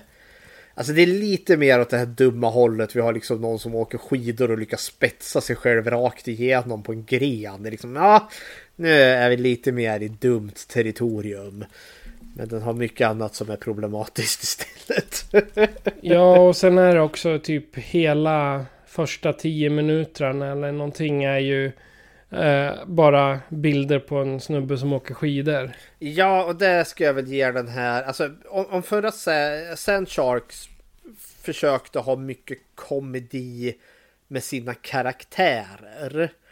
Eh, Medan Snow Shark kanske mycket mer försöker vara liksom mer absurd. Vi har eh, dumma situationer med dumma karaktärer. För den är mycket mer quotable. Men den har ett jävla massa det som, det som du beskrev där. Som kallas för typ establishing shots. Alltså vi filmar miljön. Nu är vi här. Och alla filmer har den här liksom bara filma någonstans så att vi ser liksom ja nu är vi vid stugan. Det är dag eller det är natt. Är vi ute i skogen? Vi, whatever. Men här så känns det ju som att de har gjort det för att dra ut speltiden så att vi får en lång film av det här. För det är verkligen liksom som att ja okej, nu har jag sett och tittat på människor som åker slalom i typ tre minuter med lite cool musik här. Wow, wow, wow! Och någon som liksom gör lite sick eh, skills, eh, snurrar runt med sin snowboard där. Wow! Och så har vi liksom typ haft en drönare som har åkt runt den här Mammoth Lodge eh, skidbacken, jag vet inte hur jävla många gånger. jag, jag tänkte det är lite samma som, är det inte början av The Great White som det är typ fem minuter han håller på och åker fram och tillbaka med sin surfbräda. Ja, med vindsurfad i en hajfall ja. äntligen dyker upp och äter upp han. jag tänker, är det, är det lite stulet där? Ja, alltså det, där hade du åtminstone uh, i, i The Great White eller The Last Shark eller Jättehajen, Vindsurfarnas skräck eller någon annan jävla titel som den filmen har. Eh, f åtminstone hade du ju att han åtminstone gjorde lite stans med den där vindsurfingbrädan. Men det är ju samma här också. Vi följer folk som åker slalom eller vi, vi ser skid, skidliften gå upp och ner. Så det är ju, men The Great White hade ju bara det en gång i filmens början. Avalanche Shark eller Snow Shark eller vad fan det nu heter. Uh, ha, använder ju det här kanske typ sju gånger under filmens lopp. Så typ samlar man det här och det här är samma sak. Alla miljöbilder där vi bara liksom visar miljön, stugan, eh, månen, trädtopparna Samlar vi alla dem i en liksom klipp då får vi kanske 15 minuter eller 10-15 minuter. Samlar vi alla klipp när vi får se hajarna i bild. Ja, då är vi kanske två minuter. Så vi har mer liksom bilder på trätoppar än vad vi har av hajarna i den här filmen. Så vi har samma problem som Sad Shark i den här. Men när de väl använder hajarna så är det åtminstone i något mer bizarra, roligare sammanhang.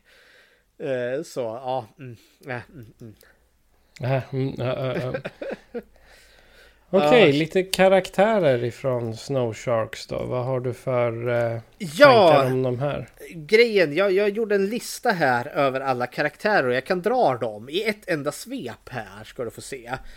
Ja. Eh, vi börjar då med Wade. Han är våran soldat. Det, han är soldat. Sen har vi Madison. Eh, det är flickvännen till soldaten. Så det är flickvännens, eh, soldatens flickvän. Sen har vi Randy. Det är en kille som gör scheman. Sen har vi Carol. Det är brud nummer ett som sitter i bil tillsammans med Randy. Och vi har Becka som är brud nummer två som sitter i samma bil med Randy. Sen har vi sheriffen. Han är sheriff. Eh, sen har vi Duffy som är vår återkommande karaktär för han var sheriffen i första. Eh, den eh, är den enda personen som har någon form av karaktär för han är lite av en slacker och douche som sen blir sheriff här då.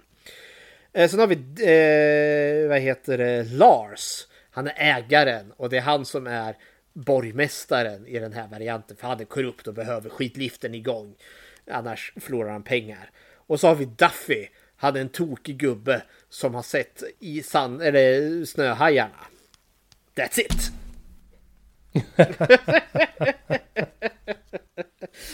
det, det, är i stort sett våra karaktärer och samtliga kvinnliga karaktärer är fullständigt relagerade till att vara någons fru eller flickvän och sen ska de sitta i ett hörn någonstans medan männen är ute och leker actionhjältar.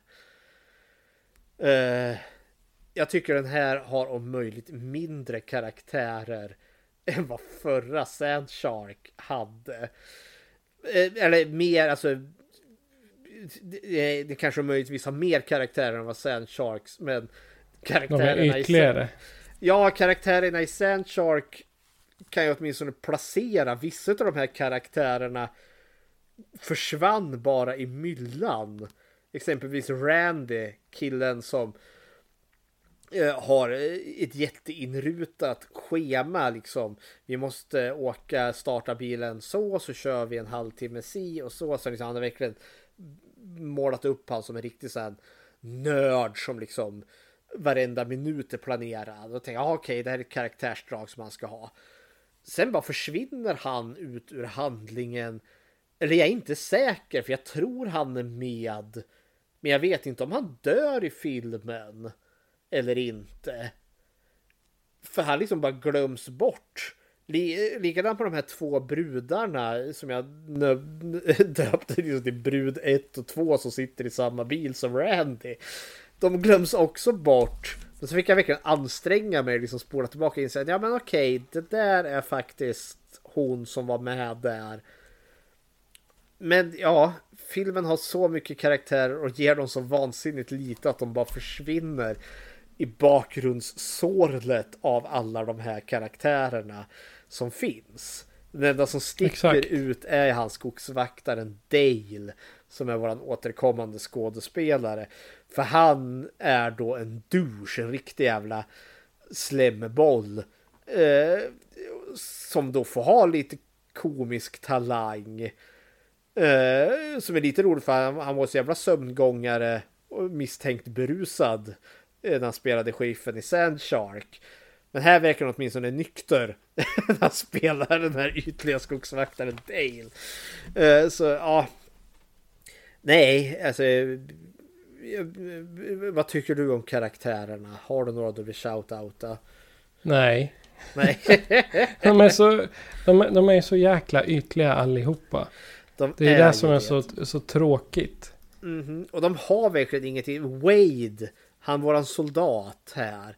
Han är ju den som är uppmålad som att han är huvudpersonen som vi ska följa. Men han är pisstråkig och han gör verkligen ingenting av nytta under hela filmen. Ha- hans bror är en av de som dör i inledningen av den här filmen som liksom sätter igång hajattackerna och allt. Och han går omkring och undrar vart är min bror? Han borde vara här någonstans. Och så går han till sheriffen. Har ni sett min bror? Nej. Okej. och så går han ut, han och flickvännen där, Madison, ut och går i skogen. Vart är du? Nej, vi hittar inte dig. Okej, nu går vi tillbaka igen. Och sen ser de en snöhaj. Åh nej, det finns snöhajar. Vi går och varnar sheriffen. Det finns snöhaj. Det tror jag inte på. Okej. Och det, det är så frustrerande för ja, enda gången han sticker ut är när han ska närmare filmens slut eller som börjar inledningen på tredje akten. Då de ska stoppa skidliften. Eftersom att hajarna håller på att äta upp folk i, i backen där. Då armbågar han Madison rakt i ansiktet. Bara splätt Bara till wow! Var fan kom det ifrån? För hon liksom ska försöka hjälpa till och han bara nej! Och bara armbågar henne i ansiktet. Frågan är om det alltså var det, men, var det meningen? Jag Det är vet den tanken inte. jag får. Alltså vad grisigt annars. Ja, för liksom ska det vara liksom att han, han är så exalterad så liksom att han för han ber ju sig om ursäkt. Oh I'm sorry I didn't mean to do that. Och sen hon bara nej men okej och sen håller de varandra i handen och springer iväg där då eh, för att fortsätta varna folk från snöhajarna. Jag, jag, jag tror att det var, var, var ett misstag och att eh, hon verkligen skadades under filmen. Och så gjorde de någon grej av det, liksom de behöll det i filmen och gjorde en scen av det. Ja. Nej usch. Okej. Som sagt, åt, eh, mycket karaktärer som bara försvinner eh, i mängden. Våran huvudkaraktär Wade är pisstråkig. Men vi har ändå så de som sticker ut. Och det är ju då Duffy, den tokiga gubben. Som springer omkring och skriker om snöhajarna. Eh, och han känns lite som den här otäcka gubben i fredagen den 13. Som liksom varnar dem om Camp Crystal Lake. It got a death cares on it. Han ska ju vara så som den karaktären. This is Camp Blood. You're all gonna die. Ah! Men här har du ju liksom Duffy heter han då egentligen som springer omkring och skriker att snön ska färgas röd. Eh, och ingen tar ju honom seriöst. Nej. Nej. Det enda som ska ge det som var, som var genuint roligt i slutet. han blir biten utav en snöhaj där håller på att bli uppäten. Och så står han ju och liksom hugger den upprepade gånger i ansiktet med en kniv. Och då kommer ju Wade springande sådär. Och liksom, åh nej! Eh, han håller ju på att dö, jag ska liksom mercy-killa honom. Alltså barmhärtighetsdöda honom genom att skjuta han. Och då har de liksom, liksom, han avlossar ett skott från sitt gevär. Och så av CGI de in liksom att Duffys huvud bara sprängs i tusen små bitar i någon dålig CGI-effekt. Men det är liksom så här. I mercy kill you med att spränga hans liksom skalle i bitar. Det är det som gör att den här filmen är någorlunda roligare än vad Sand Shark. För den har mer av sådana dumheter. Folk som lyckas spetsa sig på trägrenar, huvuden som exploderar. Och en jävla massa brudar som springer i bikinis. Trots att det är liksom, det är ju snö ute. Det var något jag funderade i den här filmen. Hur jävla många, alltså borde de inte frysa pattarna av sig? jo, jag, jag tänkte också det. Men det här är ju norra Kanada. Och okay. vad jag har lärt mig på sådana här är att det är Alltså det, det, låter ju hur dumt som helst. Men det är en annan typ av kyla. Okay. En lite torrare kyla.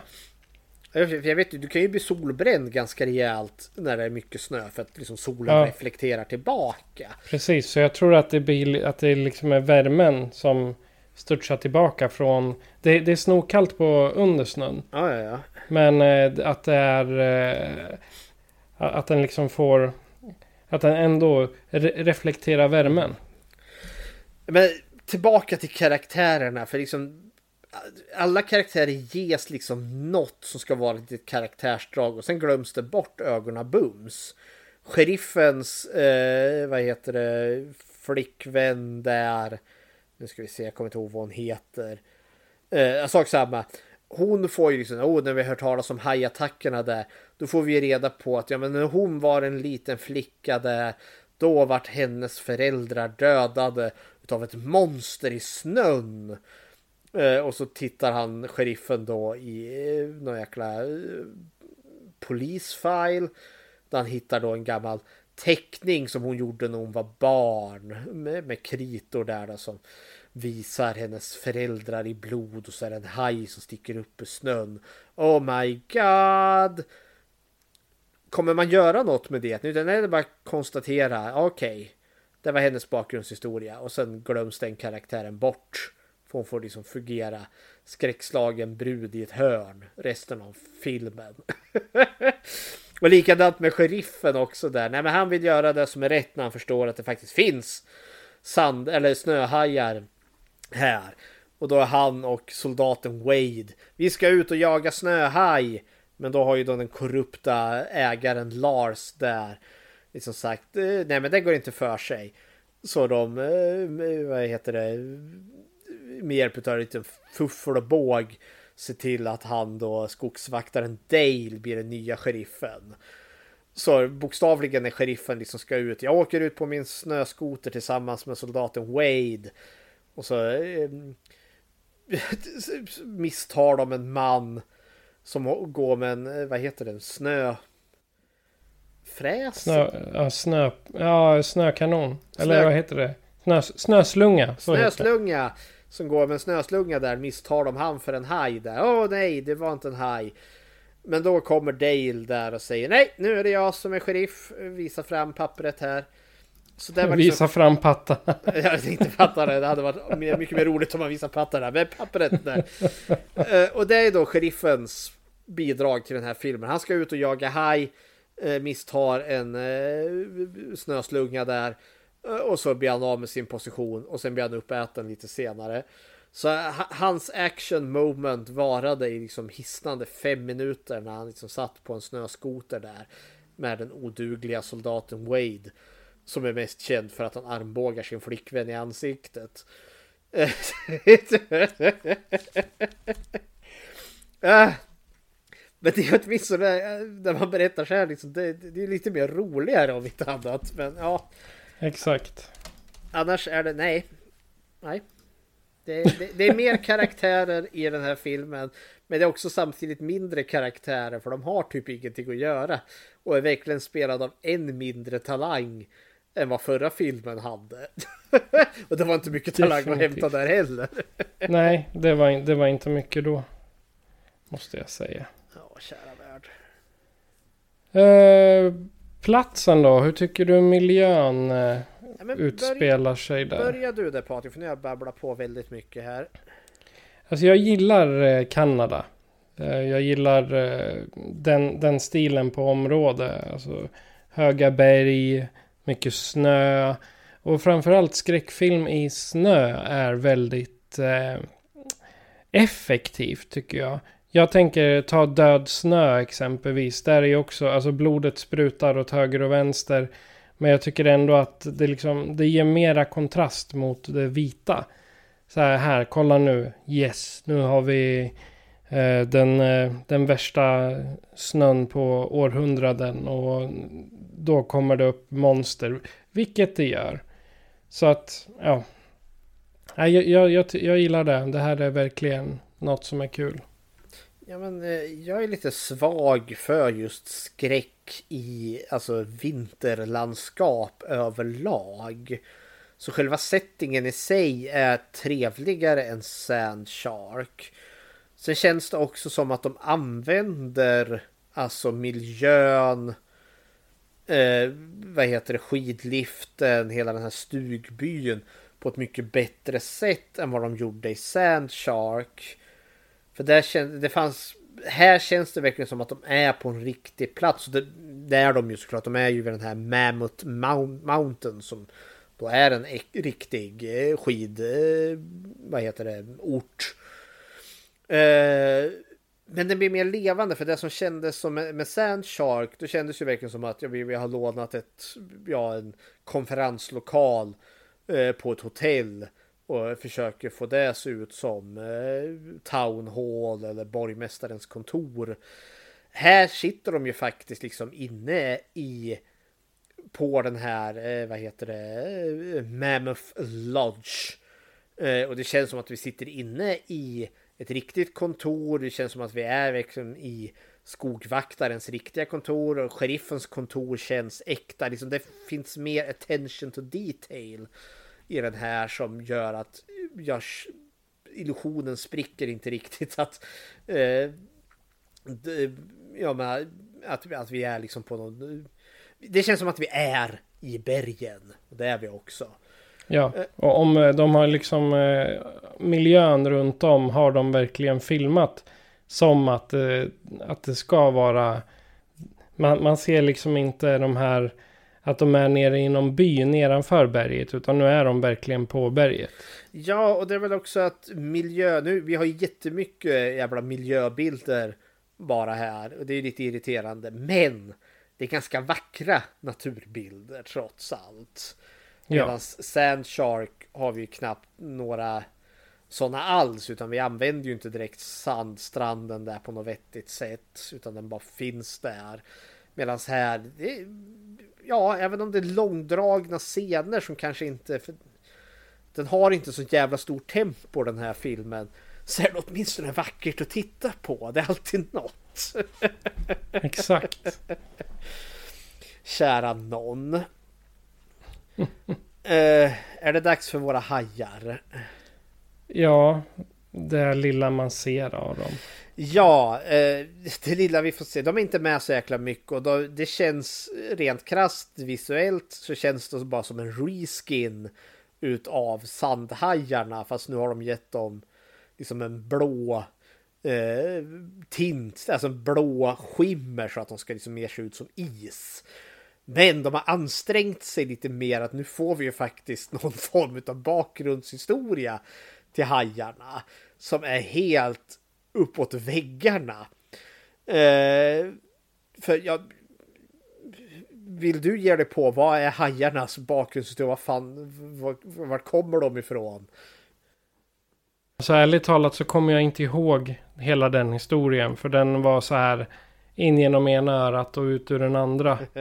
Jag hade behövt skriva ner den inser jag nu. Jaha okej. Okay. Ja, men alltså filmen är ju bra jävla flummig. Eh, för det. Och jag vet, eh, de kallas ju för skukum. Det är någon form av förbannelse. Eh, men antingen är de någon form av förbannelse från någon, vad heter det, amerikansk urinvånarstam som fanns där på 1800-talet och så var det någon hemsk massaker. Men Filmen pratar också om dem som utomjordingar som har simmat ner ifrån rymden. Eh, och då liksom fastnat i snön på något vis och vänster för att de eh, på deras hemplanet så dog allting ut och nu behövde de någonting nytt och då har de simmat ner till jorden här. Eh, och blivit energi. För de är ju de går ju in och ut ur någon form av dimtillstånd. Så att de liksom kan dyka upp lite här och där som de vore spöken. Men eh, den här stammen då eh, utav amerikanska urinvånare band dem med hjälp av någon magisk ritual till fyra totempålar som då håller fast dem. Men inledningen där har vi ju han idioten som lyckas spetsa sig själv på, på grenen. Eh, som kör in i de där totempålarna och, det, och då hamnar de ju på sniskan. Och det är det som släpper lös eh, hajarna här. Så, eh, ja, hepp. ja. Har, du har, du tänkt på det att Snow Sharks, vi har gått igenom den kortare än vad vi gjorde med Sand Sharks. Ja men det är också för att den är förvånansvärt lik Sand Sharks. Ja och eh, förvånansvärt icke, icke-sägande. Ja men den är åtminstone mer dum för den här veckan den är inte tillräckligt dum för att den ska vara underhållande men den är mer dum än vad Sand Shark är fast på ett positivt sätt. Det är väldigt mycket liksom brudar som bara Woohoo! Vi spring break! Vi drar av oss alla kläder förutom bikinitoppen där då. Och liksom studsar omkring i snön där då. Är liksom allmänna idioter tills med hajfan dyker upp och äter upp dem. Och vi får lite mer så korkade karaktärer som är ute och springer i skogen för att sen bli uppätna. Eh, exempelvis paret som har ett litet love quarrel. För hon vill ut och traska runt i snön. Men han är lite trött och seg för han, han trodde ju att de skulle ligga eh, på hotellrummet och knulla nonstop. Eh, för han vill inte vara ute och gå i snön. För det orkar han ju inte för han har inte tagit något knark säger han. För han, det, det, det är ju då liksom han får energin att kunna träna. Eh, men då lyckas hon ju locka honom med, nej men vi går vidare så kanske det blir en liten sextur, åh en sextur. Och då blir han ju lite kåt där, åh nej, och så traskar de iväg till en sjö. Och så säger, frågar hon ju honom, älskar du mig? Och då kan inte han säga det, för han blir lite eh, awkward där. Och då blir hon, nej du älskar inte mig, bla bla. Och så börjar hon grina där. Eh, och så dyker hajarna upp och äter upp henne, klyver henne i två. då har vi en sån, ändå så en någorlunda praktisk effekt liksom, när hon är nedgrävd till midjan i snön och så har man ju byggt upp liksom den här halva kroppen eh, på ovansidan. Så det, ja, men det är lite smart användning.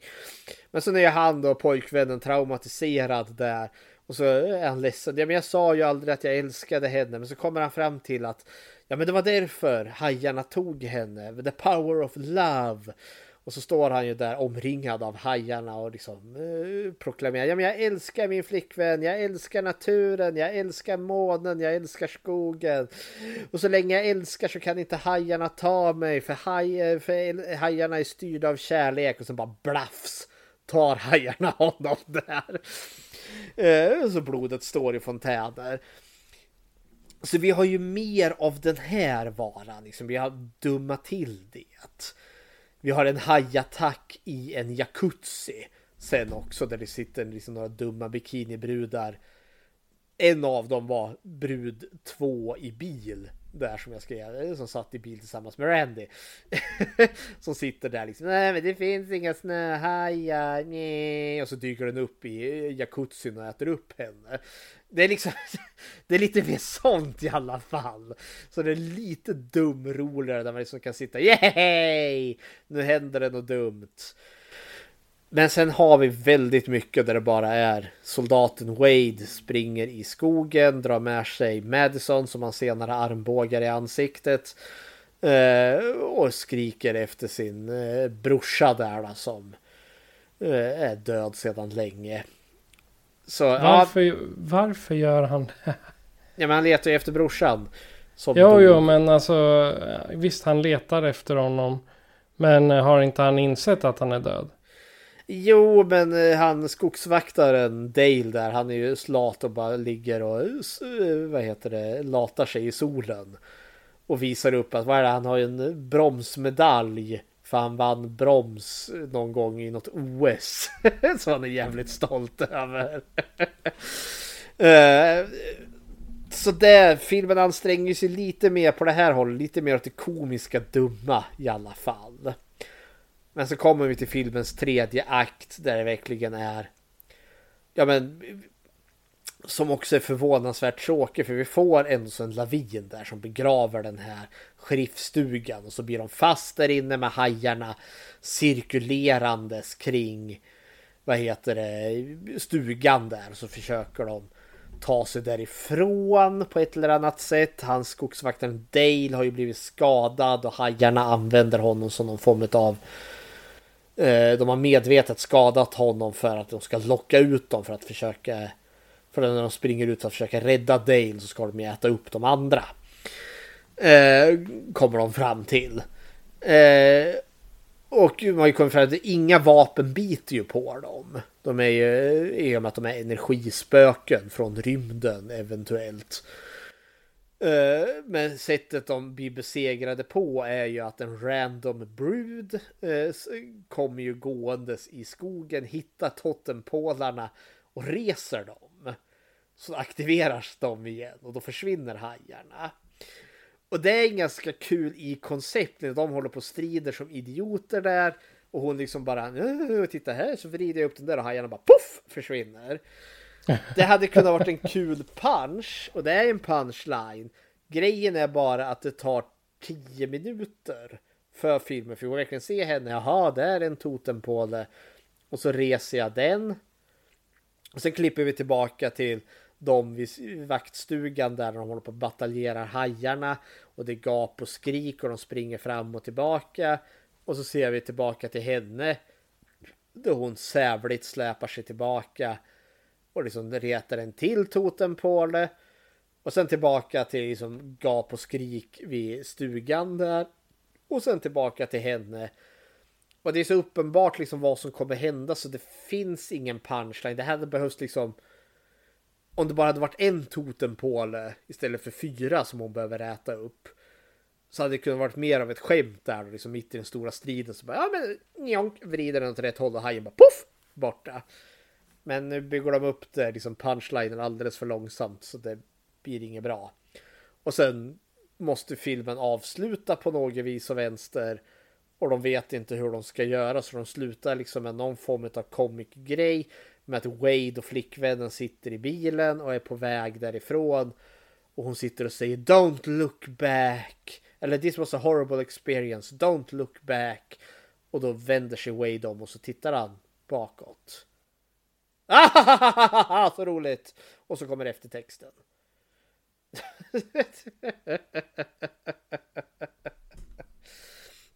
så ja, hepp hepp. Det, ja. Har du något mer att säga om eh, Avalanche Snow Shark? Nej. Alltså jag... När man har sett de här två efter varandra så inser man att Sandsharks och Avalanche Sharks egentligen samma, samma film. Bara att de har olika underlag. Och att i Snow Sharks så är de mycket mera ytliga och otrevliga karaktärerna. Gud ja. Dock så är av de här två så tänker jag säga att Avalanche Shark är den något bättre filmen. Men det är fortfarande inte bra filmer någon av dem. Nej. Ja, det enda vi får ju liksom en liten sån här när han skogsvaktaren Dale har blivit skadad av hajarna. Han säger I need a vacation. Jag ska, eh, jag ska åka ner till Florida. Så, men så kommer han på nej till Florida kan man ju inte åka. För där har han ju hört talas om att det finns Sand Sharks. Wow! Eh, och det är ju samma karaktär som spelar sheriffen där. Så ja. Ja men frågan är, är ju då vad... Eh, var ska han kunna åka utan att det finns hajar? Nej, det går ju inte för det finns hajar precis överallt i, de här, i det här filmuniverset. Om vi nu ska ta Skokums eh, vad heter det, bakgrundshistoria här så kommer de ju eventuellt ifrån rymden till och med. Exakt. Så ja, nej, dumt, dumt, dumt. Men inte Men, på rätt sätt dumt. Exakt, men jag, jag skulle säga att de är... Det, de, de räknas inte ens som öl och chipsfilm, tyvärr. Jag kan Nej. tyvärr inte acceptera det, för så bra är det inte. Nej, det här som är knepigt, alltså, du vet, så bra som de är dåliga, eh, eller så dåliga som de är bra filmer, är ju inte det här. Alltså för den är, för liksom, sitta med polarna med öl och chips, jag skulle inte rekommendera det, men alltså det är kanske det bästa sättet att se den här filmen, för nu satt jag ensam på min kammare och såg den här. Och det är en ganska miserabel upplevelse. Eh, för det var jävla mycket scrollande på mobiltelefonen och planerande att dammsuga lägenheten. Som sagt, för det kändes som bättre tid.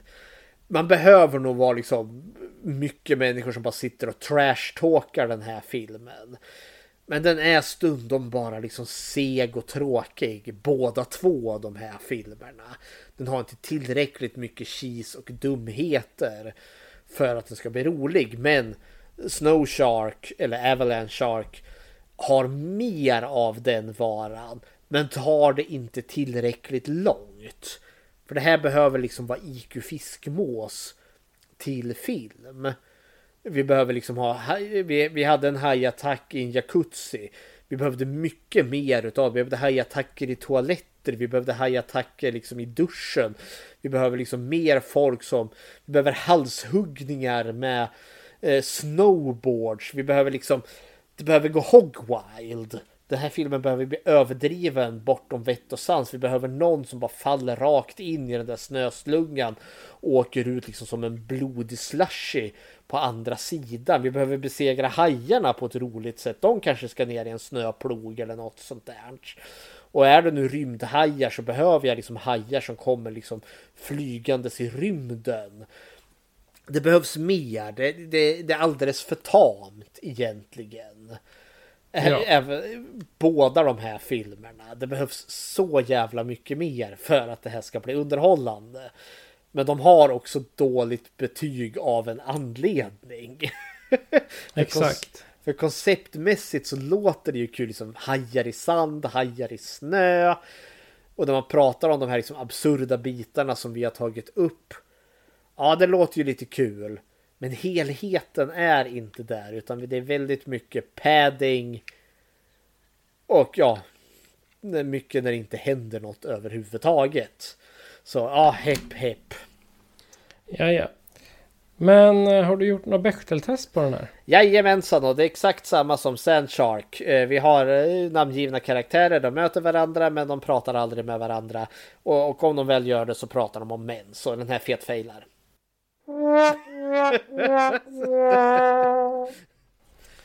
Men om du som lyssnare då tycker att vi har helt fel och Eh, vill hylla eh, de här hajfilmerna till skyarna. Eh, eller om du vill skicka en blomma till oss.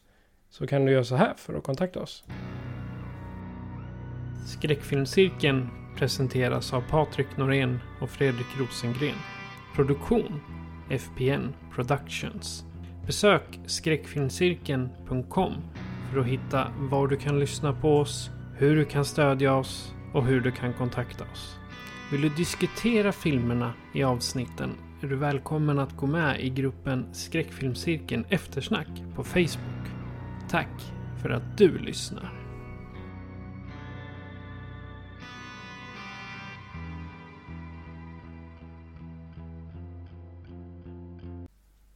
Och Fredrik, vad bjuder vi på i nästa avsnitt? Det blir fortsättning på The Year of the Shark. Eh, för att den här Herr Hoff som valde att plåga oss med de här filmerna. Hans reign of terror är inte över. Även om han inte var specifik med just de här filmerna utan var med liksom de här typen av filmerna. Så namngav han en film sen vid ett senare inlägg. Som förtjänar en alldeles egen episod. Och det är då filmen Tintorera, The Tiger Shark från 1977. Så nu är vi bakåt i tiden nära eh, Steven Spielbergs Hajen där. Och det här är en mexikansk film. Och Jag tänkte säga det, den låter nästan italiensk men det är samma sida av språket i alla fall. Ja. Så det, och det här är en bäst till film kan jag avslöja. Och den är inte alltigenom enkel att få tag i men för den som kanske skulle vilja se innan så finns den än så länge i sin helhet eh, med engelsk sub eller engelsk dubb till och med på Youtube för tillfället. Eh, den hela osensurerade nästan två timmar långa variationen av den här filmen. Så ja, ser den där eller inte. Så det är vad vi ser. Tintorera från 1977. Ja. Då eh, avslutar vi ännu ett hajpatt avsnitt. Och vi hoppas vi har lämnat er alla lyssnare med käkarna öppna och att ni verkligen hajat vad vi pratar om. Och kom ihåg, havet är en mystisk och fantastisk plats. Full av otroliga varelser, som hajar. Så här är några tips. Om ni någonsin skulle befinna er ansikte mot ansikte med en haj. Undvik att bära en kostym av sälhud när ni är ute och simmar. Och ha alltid med er en boombox som spelar temat från Hajen. Och så vill jag avsluta med ett litet skämt. Fredrik, varför gillar inte hajar snabbmat? Inte vet jag, de bryr sig om midjemåttet. För de kan inte fånga det. Jaha, snabbmat. Uh, usch.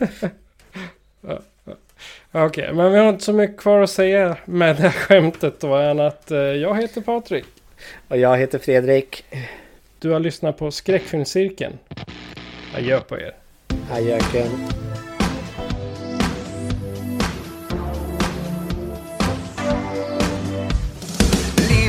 Lame party, hello Uber life. Would you take your ride with me? Get more out of life. I could make you find hope in modern love. Yes, you know that fun is around. Let's give it a try.